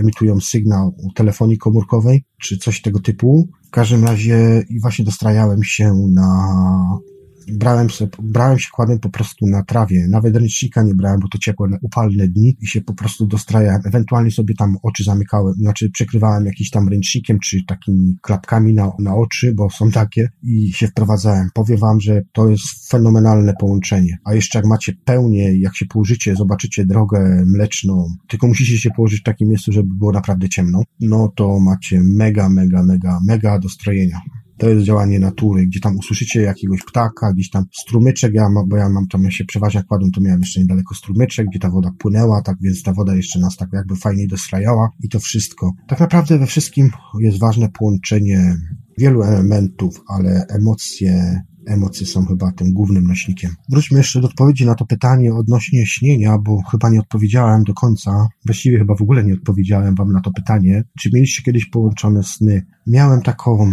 takie sny połączone wiele razy. Takie eksperymenty robiliśmy wiele razy z różnymi osobami, nawet sam, bez mojej świadomości jakby, ale dostawałem takie informacje, że brałem udział w czyimś śnie. Oczywiście miałem jakieś tam zalątki, szczątki pamięci, ale też nie zawsze. Natomiast takie największe eksperymenty to chyba robiliśmy w Londynie. Trójkę, ja, Tomasz i Przemek, pozdrawiam serdecznie ich gdzie rzeczywiście wchodziliśmy w pewne jakby połączenie, wspólne połączenie, bo na tym najwyższym poziomie, kiedy już tam wychodzisz, kiedy też zależy w jaki jeszcze też sposób się tam dostroisz i w jaką częstotliwość, ale ja na przykład w jednym z pierwszych eksperymentów, kiedy robiliśmy wspólne śnienie, na początku nie wchodziłem w wspólną rzeczywistość z nimi, to znaczy miałem przewodników za plecami, oni się czasami nawet ze mnie nabijali, śmiali. To jest tak, jakbyś miał za plecami trzy, cztery postaci niewidzialne, widzące, znaczy słyszące i doradzające ci coś, albo się nabijające z ciebie, bo to naprawdę różnie wygląda czasami. Czasami to jest wręcz komedia. Czasami, kiedy ja nie miałem dobrego dostrojenia, to były szczególnie początki tych snów połączonych, musiałem dostawać pomoc również od tych osób, które śniły ze mną. Kiedy ja na przykład nie mogłem zobaczyć, bo najprościej jest zobaczyć od strony energetycznej, spotkać się z tej drugiej strony. Dopiero kiedy macie dostrojenie to energetyczne, wtedy już możecie się dostrajać dostrojenie na przykład duchowe. To jest, to, to są już mega sny. W każdym razie no, czasami się to pojawia na przykład to, że na ekranie śnienia masz na przykład dwie postacie, takie jak na przykład orby czy coś. One się później mogą zmieniać, materializować i tak dalej. Tam wszystko jest możliwe właściwie. Oczywiście, jeżeli spełniasz warunki i nie ingerujesz tam pewne rzeczy bez wiedzy, Oczywiście możesz tu dostać pomoc i tak dalej, i one się po prostu wtedy materializują jako energia. Dopiero kiedy jesteś na tym odpowiednim dostrojeniu, masz coś takiego jak, mówię tu o pierwszych doświadczeniach oczywiście, żebyście mnie zrozumieli, pojawia się coś takiego jak właśnie struktura energetyczna, coś jak w Matrixie. No i później kwestia, jaką, jaką ścieżkę wybierzesz, czy się decydujesz na odkrywanie, czy jednak wracasz z powrotem i tak jak ten się obudzisz w rzeczywistości, co będziesz dalej śnił, będziesz sobie normalne sny miał, będziesz sobie tam jadł schabowe i te wszystkie inne rzeczy i tak dalej. Ale jak się decydujesz na tamto, to w tym momencie otwierają się przed wami wrota, możecie chodzić w wspólne miejsca, oczywiście jest też taki moment przy wspólnych wizjach, że jednak każdy też tam idzie po to, aby doświadczyć swoich własnych też, albo też dostać odpowiedzi na swoje własne pytania, więc w pewnym momencie i tak jest to rozdzielenie, że się jakby rozpinamy między sobą, zresztą to też nie byłoby, byłoby ciężko też w ogóle utrzymać długą interakcję, połączenia wspólnej świadomości, że tak e, nazwę to. Także są takie rzeczywiście zjawiska, ja już to doświadczałem wielo, wielo, wielokrotnie i polecam, jeżeli tylko chcecie nie bać się, zaufać przede wszystkim sobie. I to tyle. Tutaj się wywiązała dyskusja na czacie YouTube'owym Radia Paranormalium. Tutaj jeden z użytkowników, Leo N. Podajcie sposób na depresję. Pozdrowienia z Bieszczad. Dziękuję. Wzajemnie. Draculatis. Na depresję dziennie 8000 jednostek witaminy D3 tutaj użytkownik pisze, ja piszę poważnie, ja też, a od 10 tysięcy D3 brać również K2MK7, no i tak dalej, tak dalej. Nie będę tu całego cytował. Ja, tak, to też jest dobra, dobra, dobra, dobra metoda. Natomiast ja na depresję zdarzało mi się brać nawet i 30-40 tysięcy jednostek dziennie, szczególnie w takich momentach właśnie jak mamy teraz, gdzie mamy tego mało słońca i tu rzeczywiście jest y, ważne, aby to połączyć z witaminą K2, MK na przykład 7, ja używam MK9 i do tego jeszcze łączę z witaminą witaminą E. No ale tak naprawdę polecam medytację. I nikt tu, Leon, z siebie nie ciśnie beki, absolutnie. Tutaj padła propozycja posłuchania o depresji, co mówi doktor Czerniak, więc tylko przekazuję informację od dok doktora Causaltis. A jeszcze miałem wam tutaj wspomnieć o tym psychoterapeucie, który jest zawodowym psychoterapeutą, ale bardzo dobrze mówi. Też on tam wspominał właśnie o tych siedmiu poziomach świata astralnego. Ja już wam, dajcie mi chwileczkę, ja wam tego człowieka znajdę i od razu wam rzucę na czaty. Tak, tą osobą, o którą mi chodziło, przepraszam was, że tak troszkę zeszło, ale szukałem, bo chciałem po nazwisku znaleźć. Tą osobą, o którą mi chodziło, bardzo fajna wiedza, przynajmniej tak uważam, ja, to jest dr Andrzej Kaczorowski z telewizji VTV. Linki macie na czatach. Polecam Wam jeszcze inną osobę. Taką osobą jest choćby nawet Roman Nacht, który się tutaj udziela w telewizji Janusza Zagórskiego. Oczywiście to są tylko wiedza, informacja. Nie każdy musi we wszystko wierzyć. To od Was zależy, w którą stronę Wy pójdziecie i jakie wnioski. Nie chcę tutaj nikomu nic sugerować, nikogo nakierunkowywać. To Wy macie własny rozum, aby po prostu wyciągać wyciągać wnioski. Myślę, że będziemy chyba kończyć audycję, bo pytania się skończyły. Audycja już też trochę trwa, prawie 3,5 godziny. Zleciało to strasznie szybko. Zostało mi jeszcze parę utworów, ale to nie znaczy, że zawsze musi być wszystko do końca puszczone. Dobra, będziemy chyba kończyć, nie? Nikt nie chce dzwonić. Yy, na pytania nie widziałem, żeby ktoś odpowiedział więc udzielę Wam odpowiedzi. Jed miejscem, który jest, które znajduje się w naszym ciele odpowiedzialnym za emocje, to miejsce znajduje się po prawej stronie, zaraz tuż pod żebrami. Jeżeli macie jakieś problemy emocjonalne, to miejsce zawsze Was będzie bolało. Natomiast łączność ciała fizycznego z światem, z ciałem duchowym, czy też energetycznymi, to nie jest czakra serca, a czy to jest czakra serca, która znajduje się nie bezpośrednio na sercu, a jest to element, a właściwie narząd, który nazywa się, żebym się nie pomylił, grasica. To jest grasica, czyli ono się znajduje tak mniej więcej trzy palce nad sercem. To jest taki centralny punkt energetyczny właśnie czakry serca. To tym, tym punktem operujemy właśnie w różnych stanach, jeżeli jesteśmy w poza. Może być to przykład lęk czy strach, kiedy czujemy się, że jesteśmy na przykład atakowani w poza, więc najprościej, najprościej, najlepiej tą częścią właśnie tego elementu operować. Oczywiście można się dać też w kontrolę prowadzenia własnej duszy, własnej duszy. No i tak to wygląda. Dobra, jeszcze zachęcam Was również do tego, aby oglądać sobie naszego dzielnego Chrisa, który tam wojuje po Afryce. Bardzo fajne nagrania. Czasami troszkę cicho słychać, ale można to sobie zawsze podgłośnić. Cóż, ja Wam w takim razie chyba na dzisiaj będę dziękował. Pytań więcej widzę, że nie macie. Zresztą, która godzina? W Polsce jest godzina trzecia rano, więc nie ma co się też znowu dziwić. I tak jestem zszokowany, bo jakby nie patrzył, ponad 150 osób, prawie 160 osób o tej godzinie w poniedziałek, z poniedziałku na wtorek. Oj, to dawno nie było. W początkach chyba moich audycji tak było. Co prawda nie jest to najdłuższa audycja, bo najdłuższą audycję miałam prawie 7 godzin kiedyś chyba. Jedna z pierwszych audycji. No ale tak to bywa. Dobra, kochani, jakbyście mieli jakieś pytania czy coś, to jestem dostępny na różnych forach, na Facebooku. Oczywiście możecie wchodzić również na profil Radia Dreamtime. Jak wspomniałem wcześniej, konkurs nie został rozstrzygnięty, więc książeczki przechodzą na kolejne audycje. Następna audycja będzie już w tym tygodniu będę nagrywał za 2-3 dni z Marcinem, bo tak żeśmy się ugadali o tej kontroli umysłu. Tam to był wstęp, oczywiście tam też troszkę, no zawsze się tam jakieś błędy powie, prawda, na live'ie ale po prostu będziemy kontynuować dalej. Dziękuję jeszcze raz Wam wszystkim, że przyszliście tak licznie. Nie wiem, czy to jest efekt po audycji Panem Sławomirem, czy, czy chcecie słuchać mnie, bo czasami mam różne że tak powiem, nastroje, że tak powiem, do tego, że nie wiem właściwie, czy chcecie, czy nie chcecie, bo jeżeli na przykład dostaję kilkadziesiąt hejtów na swoje wiadomości na Facebooku czy gdzieś, to człowiek się trochę zraża, ale nauczyłem się już trochę z tym walczyć, y, no, inaczej, nie walczyć, ale nauczyłem się, że tak powiem, już na pewne rzeczy nie zwracać uwagi i myślę, że będzie jeszcze lepiej. Dobra, to w takim razie dziękuję Wam. Posłuchajmy tego utworu jeszcze do końca. W takim razie do następnego razu. Aha, jeszcze po tej audycji będzie jeszcze Ambient Night. Myślę, że tak półtora do dwóch godzin. Zobaczymy jeszcze, co tutaj wybiorę. Dobra, trzymajcie się. Wszystkiego, co najlepsze dla Was. Cóż, bądźcie zdrowi i do usłyszenia już niedługo. Cześć. Projekt realizacja.